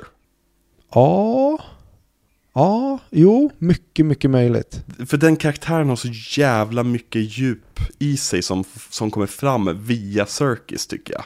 Alltså självklart kan man ta upp Gollum här, Gollum är som en tight tvåa om, om, om Caesar är etta för mig. Men i och med att teknologin har kommit så jävla mycket längre så är det som att Caesar åker ju snålskjuts liksom förbi Gollum på grund av att du kan relatera ännu mer på grund av liksom, hans ögon och hans uttrycksfullhet och sådär. Eh, så, men eh, Caesar hjälper. Sen så tycker jag väldigt mycket om Andy Serkis i en film som du och jag var jätte, jättetaggade på. Och det är då när han spelar Mr. Grin i Stormbreaker. Stormbreaker. Alex Ryder. Ung agent. Det här- Shit, den här minns jag ingenting av. Du, minns, du och jag läste en bokserie som handlade om en ung Ja. brittisk agent som heter Alex Ryder. Har för mig Ja. att det hette. Stormbreaker var första boken som vi gjorde film av. Och vi, vi var jättetaggade på den. Och så blev det verkligen en sån här Dragon Ball Evolution-film liksom. Fan vad intressant. Alltså, det, det, jag minns boken, men filmen har jag inte ens ett minne av att jag ens har funderat på någon gång. Ja, Eh, Alex Pettifer spelade huvudrollen. Jag minns att du blev lite Ja. besatt av honom ett tag. fan vad intressant. Det här har helt flugit ut ur mig. Ja. Det här är motsatsen till när du förra veckan hittade ett djupt, djupt begravt minne. Ja, verkligen. Ja. Ehm, men också som King Kong han ju jättebra. Andy Mm, ja, verkligen. Sen bara lägga till att jag, jag tycker att Gollum är hans överlägset bästa just för att den, den är, det är så ikonisk. Alltså Mm. hans röst, eh, hostningen. Ja. Han, gör, han levererar skiten ur det där. Men om man inte liksom ska välja den, ja, då håller jag med dig. Ehm, men eh, ja, King Kong också jättebra. Mm. Och jag, jag skulle verkligen vilja se om King Kong. Jag är rädd för hur CGI har åldrats, eller jag vet att den har åldrats bedrövligt på många sätt. Mm. Väldigt mycket av den här Konungens återkomst-sjukan vi började se i slutet på Konungens återkomst. Men jag vill verkligen minnas att den har så jävla mycket hjärta. Mm. Det lilla jag sett av King Kong sen jag såg den sist, det är, eh, när det kommer till CGI, det är det att King Kong-effekterna är fortfarande skitsnygga. Alltså görsnygga. Men det är allt annat som åldras dåligt. Alltså typ green screen-arbetet. Eh, och när de springer framför typ alla dinosaurier som rusar ner för bakom Ja. dem och grejer. Alltså sånt där. Att det, det är där skon klämmer till att den hållas dåligt. Eh, Men ja, eh, om vi kör Peter Jackson så är det ju en, en, såklart en del av den miniserien. Mm. Ja, sista bra filmen i Peter Jacksons miniserie. Det vet vi inte än. Det, det vet vi faktiskt inte än, för den kan mycket väl ha åldrats till den graden att den faktiskt blir dålig. Ja, och sen nu, nu vill inte jag, det där sa jag bara för att vi vet inte, för att vi inte har kört den miniserien än, men jag tyckte väldigt mycket om They Shall Not Grow Old, så att han har gjort en bra film efter det, men inte Mm. en spelfilm. Nej, och han gjorde också Get Back-dokumentären, så jag tyckte det var eh, nog den bästa dokumentären jag sett. Nu är det lite fusk för den hade många avsnitt på sig att, att breda ut sig, men den var helt fantastisk. Ja, men det kan även bli motsatt, att man tycker att nej men nu håller ni bara på att koka en jävla massa soppa här på en spik, det hade räckt Mm. med ett avsnitt eller en film, men Mm. nice. Mm, Den verkligen. eh, ska jag ta mig an någon gång när jag har börjat eh, gå ner i Beatles. Mm. Och Andy Serkis, han är ju också med i Marvel. Eh, han spelar ju Claw i Black Panther. Mm. Och det, jag tycker, visst han, han spelar ju över utav bara helvete i den. Men jag tycker han är väldigt rolig i den rollen. Det märks att han har kul på inspelningen. Och sånt gör ju alltid så att man har lite extra roligt när man ser filmen. Tycker jag i alla fall. Mm. Vad vill du minnas av honom i den filmen? Eh, jag, jag har inget Inget direkt minne av honom alls, alltså hans roll i Marvel. Eh, jag kommer ihåg honom några scener men eh, nej, ingen som, det gjorde inget avtryck på mig. Jag minns att det var kul att han och Martin Freeman är väl med i samma rulle och det var lite roligt. Mm, de är ju The Tolkien White Guys. Mhm, För att så, utveckla. det finns något som heter The Token Black Guy. Alltså man har med en, en svart karaktär i en film. Jaha, jag, jag tyckte du sa The Tolkien White Ja, Guys. exakt. Det är det man säger. Det är det som är ordvitsen. Att de är The Tolkien White Guys. Jaha. För båda två har ju varit med i Tolkien-filmer. Och to- Tolkien låter lite som att man säger Token. Så de är The Tolkien White Guys. Mhm. Ja, det, det är i Black Panther eller? Ja, exakt. Ja, ah, okej. Eh, men vad var det jag skulle säga? Eh, han har ju reg- regisserat mycket, eller mycket, en hel del film nu på sistone.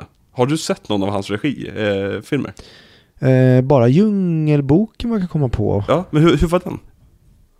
Helt okej. Ja, det var inte den Ehm. Scarlett Johansson var med i va? Nej, hon, hon är väl med i John Favreaus Disney. Ja, exakt. Ehm, Nej, precis. Han, han gör väl den, med, den som heter Mowgli med Christian Bale. Eh, var det även med Idris Elba? Eller, Nej, Benedict Cumberbatch va? Ja, de skulle båda två kunna vara med i samma. Kate Blanchett var med i den. Eh, nej, så jag, jag, den gjorde inget jätteavtryck. Den var ju helt okej, ganska snygg, Mm. bra röstarbete. Men eh, nej, jag tyckte inte någon av Djungelboken-rullarna var någonting att hänga i julgranen tyvärr. Bägge två hade ju så sinnessjukt sjuka castlistor. Ja. Det är helt absurt. Och eh, han gjorde ju också Venom 2. Ja, just det. Som du har sett va? Ja, som jag har sett. Som, som är en bedrövlig film, men rolig film. Det är en film som typ... Det känns som att Andy Serkis fick ett manus i handen. Sony sa, det är det här manuset vi kommer spela in, oavsett om du vill eller inte. Han läste manuset och bara, det här är ju skit. Ja, ja, jag kommer ha kul med skiten i alla fall. Eh, för det är, det är en väldigt rolig film på många sätt. Ehm, ja. Regisserar han trean nu? ja, det är väl det som är sagt, här för mig. Det är ju kul. Ja, kul för honom. Bra pengar, antar jag. Och rätt roliga inspelningar, tänker jag. Hänga med Tom Hardy alla dagarna. Ja, nej för Venom 1 ju- gjorde ingenting för mig. Venom 2, nej, kanske någon gång i brist på annat. Men när du har tre filmer sen, när det börjar bli liksom en filmserie, då känns det som att, ja men kul, då kan man bränna av alla dem någon gång. Ja men exakt, alltså det är rätt lättittade filmer. Och tvåan är ju typ bokstavligen en timme och 29 minuter lång. Så det är verkligen en effektiv film. Det gillar vi. Ja, sånt gillar vi. Till skillnad från den här jävla skitfilmen som höll på, hur länge då? Typ 2 timmar 40? Nej. Nej, den är ju bara 2.05. Jaha. Ja, jag tänkte på kanske Dark Knight som jag såg igår, som också var väldigt lång. Nolan har en kärlek för att göra långa filmer om du inte redan märkte. De verkar bli längre och längre också för varje film som går, förutom Dunkirk. Ja, gud bevare. Men jag har en sista skådespelare som jag vill prata med dig om. Eh, och det är en skådespelare som jag inte hittar namnet på. Eh, det är lite märkligt, men du kanske vet. Vem är det som spelar dubbelgångaren som de anlitar för att vara Hugh Jackman? Eh, det är nog hans kusin, Huge Jacked Man. Ah, okej. Ja, bra. Då fick jag svar på den frågan. Vad skönt. Men Eh. han eh, tyvärr blev ju alkoholist och tog livet av sig efter det här. Oj då. Ja, det var inte så skönt. Nej, man ser ju spår av det i filmen tycker jag. Ja, han, han, i vissa scener är han lite full av sig tycker jag. Ja, Lite grann. Ja. Men jag hörde att han, han har spelat Faust, han har spelat Caesar och alltihopa. Tragiskt. Ja, nej, det är svårt att få honom att gå in i rollen men kul att skådespelaren berättar om sig själv genom hela filmen. Ja, verkligen. Eh, Viktor? Klarar den här Ja. filmen Bechdel-testet? Så fan heller. Nästan.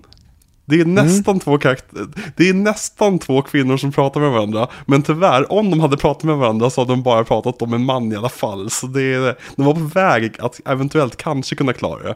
Men de lyckades inte, tyvärr. Nope. Nej. Ehm, så vi går över till musiken i den här filmen. Mm. David Julian och Christopher Nolans sista samarbete to this day. Mm. Och vad tycker du om musiken i den här filmen? Jag är jätteglad att Hans Zimmer inte gör musiken till den här, för då tror jag att musiken hade kunnat stjäla väldigt mycket av uppmärksamheten. Ja, Jag är så otroligt glad och imponerad över David Julians otroligt sub, alltså det är så otroligt subtilt rakt igenom här. mm. Och när man, den här gången jag satt verkligen och lyssnade på, men hur är musiken i den här? Så, ja men den, den låter som i Following, den låter som i Memento. Eh, och jag tycker väldigt, väldigt mycket om det han gör. Han är inte så varierad, man hör ju direkt, det är nästan som att han använder liksom samma tickande, samma, Mm. ja vad Samma det är han violiner. gör det här. Ja, precis. Men jävlar vad duktigt. Alltså det, det är ett svinbra musikarbete den här. Men saken med det här scoret är det att det är ett superbra filmscore, men det går ju typ inte att lyssna på det utanför filmen. Precis. Och det är liksom, när jag läser på om kritiken till den här filmen så är det musiken som har fått tagit den största kängan. Alltså, om man bara kollar på, jag menar, säg typ Wikipedia, så är det nästan en hel sektion bara typ så här, folks skitsnack om musiken av filmen. Vilket jag tycker är lite hårt för att jag älskar det här soundtracket. Speciellt slutet på det, när de klipper ihop det med eh, nu menar jag Morgan Freeman, eh, Michael Caines eh, monolog där om vad de olika stadierna är och You want to be fooled. Och så har man här liksom, eh, tonen som slutar tvärt liksom. Jag tycker är jättehäftigt. Eh, Som scoret gifter sig verkligen med bilderna på, på skärmen. Och det, det är Ja. väldigt modernt. Det, är som, det känns som att fler personer såg det här, eller hörde det, och bara det där vill jag ha i min film. Mm, verkligen. Eh, Så jag, jag förstår inte riktigt kritiken mot det, för att jag tycker det här scoret är briljant. Nå, eller jag, na, jag ska inte säga ja. Och det jag tänker, det här kanske var kritik som kom direkt efter. Jag vet inte. Men i- när jag hör krit- eller att den har blivit kritiserad, då tänker jag att ja, det är väl Nolan fanboys som egentligen vill basha det här för att de hade önskat att det var Hans Zimmer som hade gjort den här musiken också. Det kan mycket väl vara en stor del av saken också. För Nolan fanboy ska man aldrig bråka med. Nej, det ska man verkligen inte. Nej. Eh, men eh, om vi bara lite random övriga ämnen. Eh, den här filmen innehåller ju 146 hopp i tiden fram och tillbaka. Nice. Man skulle kunna argumentera för att det är för många hopp. Jag skulle säga att det är för få hopp. Jag vill ha dubbelt så många. Ja, men det kanske man får i uppföljaren. Vad ska uppföljaren heta? Now you see me. Ah, perfekt.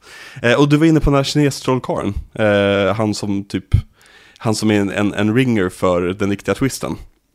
Mm. Och han är ju baserad på Chang Lin Su som då var en brittisk man som eh, kul nog dog av en bullet catch.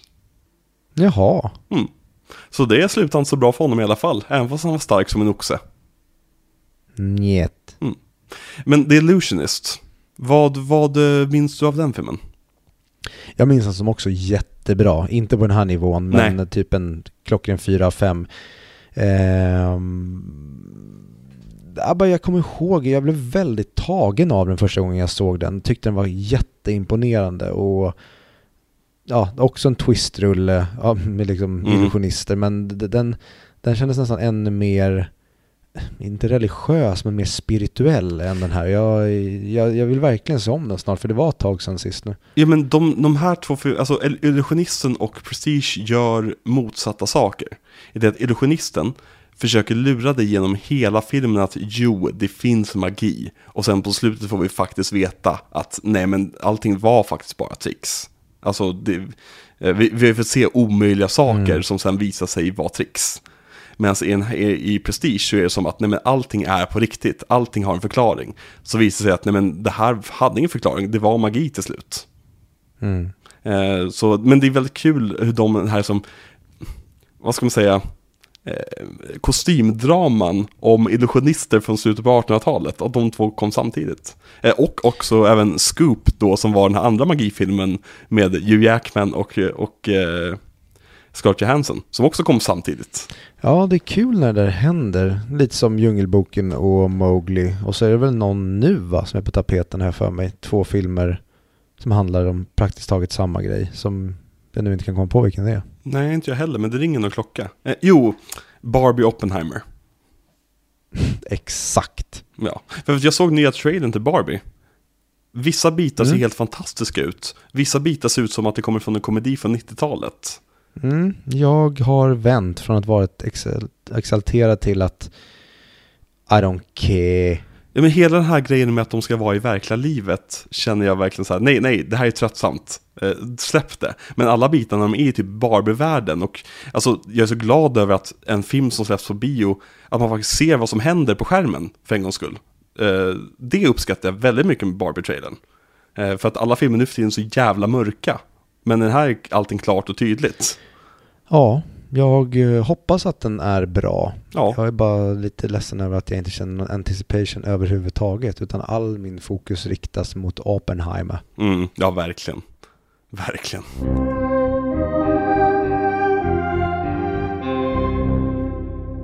Posten till Prestige. Gorgeous.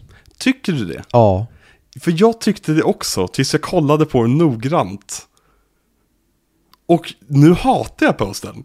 Alltså det var verkligen så när jag, jag började skriva liksom så här, ja men jag, jag tycker posten, posten är bra, eh, och så började jag kolla upp alternativa posters, och så bara kolla på den så här, fy fan, det känns det känns som att det är en praktikant som slängt upp på fem minuter innan releasen. Det är ett dåligt photoshopat eh, Hugh Jackman-ansikte, ett dåligt photoshopat Christian Bale-ansikte och sen så en dålig, dåligt photoshopat Scarlett Johansson-kropp i en rökeffekt mellan de två. Ja, alltså jag, jag förstår ju att man tycker det. Jag tycker ju bara att den är clean. Alltså, men ändå finns det någonting där inte bara... Ja, ja, ja, det är någonting mer att de är vända som de är och så Scarlett Johansson som är liksom rökig. Det, Mm. det kan vara också bara att jag tycker mycket om filmen, att den har... Att det gör mycket med mig. Men, Jo, men- jag, jag gillar den. Den där posten är ju som, som var inne på tidigare, tidigare veckor, den är ju också förknippad med en otroligt bra film nu. Alltså det där är ju posten till The Prestige.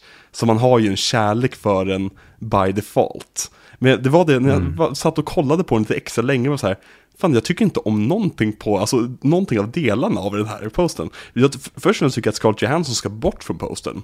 Alltså jag tycker det är lite nästan typ falsk marknadsföring att säga att det här är en film där de två bråkar om Scarlett Johansson. Visst, det är en del av plotten, men det är inte det filmen handlar om på något sätt. Nej, det är väl en sälj, säljare på henne Ja. också. I don't och, know. och det är ju alltid som, sätt Scarlett Johansson på en poster så kommer din films intäkter gå upp, liksom. Så enkelt är det. Men däremot finns det en alternativ poster till The Prestige.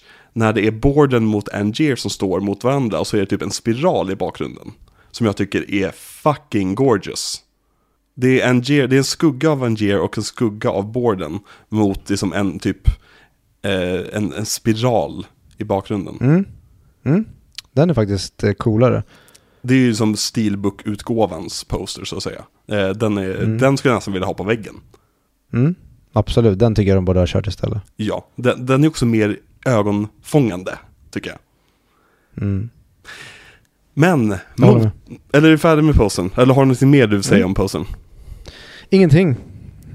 För mottagandet av den här filmen blev ju rätt varmt. Folk var väldigt imponerade av den. Men det här är också en av de sämst reviewade Nolan-filmerna. Mm. Jag för mig att jag läste att den har typ 75% på Rotten Tomatoes. Ja men exakt, så det var verkligen så att den, den gick verkligen inte hem hos alla. Men det känns också som en film som med tiden har blivit mer reclaimad som, jo men den, den är ett mästerverk. Liksom. Eh, Mm. Sen, sen tror jag med den här att den inte är, ska man säga, den är inte lika bombastisk som många av hans efterföljande filmer och då kanske folk, ehm, eller så, den är inte lika bombastisk som Batman Begins heller, den, den är mycket mer lågmäld och då kanske folk inte tycker att den är lika intressant om man inte fastnar för den. Alltså i Ja, men- många av hans andra filmer så finns det andra saker som du fastnar för, alltså du kan hänga med på den här bombastiska riden Mm. även om du inte tycker att filmen är intressant, intressant i sig. Jag tror också, alltså det finns ju en, eller jag får en känsla av att, säg att du är 15 idag och du ska börja se igenom Nolans filmer, du upptäckte Christopher Nolan. Då finns ju en, en risk att, att det är precis en av de här filmerna, så här, men jag hoppar över den filmen, den verkar inte så jätterolig. För att Nej, då ska du fan dra åt helvete. Ja men så gör inte det, för att Prestige är en otrolig film säger vi här i slutet på avsnittet. Eh, Det gör vi. Ja, Nej, men den drog in 100, 109 miljoner på en budget på 40 miljoner. Det vill säga att den blev en succé. Eh, ingen, ingen superduper megasuccé, men absolut liksom pengarna tillbaka med en rejäl vinst. Eh, Warner Brothers är nöjda, Christopher Nolan är nöjda, finansiärerna är nöjda. Så vad får Christopher Nolan göra efter The Prestige? Han blir påtvingad något, eh, någon dussin uppföljare till den här jävla Batman-filmen han gjorde. Mm, The Dark Knight. Men eh, vad, vad sätter vi för betyg på The Prestige? Fem, fem av fem. Ja, jag sätter också 5 av 5. Det här är en av mina favoritfilmer att kolla på bara. Alltså, om, om Memento hade ett perfekt manus så är den här typ perfekt klippt och regisserad på sätt. Ja, men jag tycker även att manuset är helt otrolig. Alltså, om den är skriven med den här rytmen så att säga så är Mm. den, ehm, ja, bara hatten av. Det är en, en film som jag undrar, var börjar du någonstans för att Ja. få ihop det här? För den, den är verkligen, den är, den är sånt, den, så vackert organiserat kaos. Ja, verkligen. Jag älskar den så mycket. Eh, Mm. Och fotot i filmen. Alltså det här är ju en, en sån jävla upplevling från Batman Begins också, som redan i sig var en upplevling från Insomnia, som i sig var en upplevling från Memento och så vidare. Alltså, jag för, alltså, att den här inte vann, den blev nominerad för bästa foto och best art direction. Men att den inte vann bästa foto är jag nästan lite chockad över. För det här är ju som, ta bara bilden på hattan som ligger där i dimman. Ja, nej den är... Får vi se sen, vi kanske kan prata om den i slutet på miniserien, vilken som är Christopher Nolans snyggaste film, men Mm. eh, holy shit den, vad den här filmen är snygg rakt igenom och Mm. Jag börjar nästan känna nu det- redan sorg över att vi inte kommer ha med oss Wally Fister hela vägen. Mm, verkligen, för även fast jag gillar Hoyte så är det som Fister har en speciell känsla i sitt foto. En varm kyla på ett sätt. Svårt att förklara vad jag menar. Mm, verkligen. Eh, ja. Men, nästa vecka, då ska vi prata om Batman igen. Då känns det nästan som att då är vi i julafton. På Dark Knight. Ja, det är någonting, även om jag vet inte, vi får väl se. Tiden får väl avgöra, men eh, jag vet inte alltså, hur den, hur jag håller den när jag jämför med hans andra filmer, men Mm. det här är väl fortfarande, liksom, om man tar gemene man, det här är ju, det, det är hans magnum opus. Ja men Dark Knight, oavsett vad man tycker åt höger och vänster om den, så är det en av dem, om inte den mest inflytelserika filmen som någonsin släppts. Eh, och då snackar jag inte bara i filmvärlden, utan även, alltså Dark Knight hade repercussions ända ut i den politiska världen, så att säga. Eh, så det, det ska bli ett väldigt intressant avsnitt nästa vecka. Jag ser väldigt, väldigt, väldigt mycket fram emot Dark Knight-avsnittet. Mm, jag med. Ja, och vart finns Dark Knight att se, Viktor Landegren? Den finns att se på HBO Max om man har ett konto där. Annars går den att hyra på, eller köpa också en digital kopia om du, eh, förlåt, den går att hyra på Apple TV, Rakuten TV, Blockbuster och via Play. Och den går att köpa digital kopia på Blockbuster, Apple TV, Rakuten TV eller SF Anytime. Och med det, eh, hur avslutar Ja, jo, såklart. Hugh Jackman. Ja, precis. Hur får vi typ säga? Ja, precis, exakt. Hur Hugh Jackman.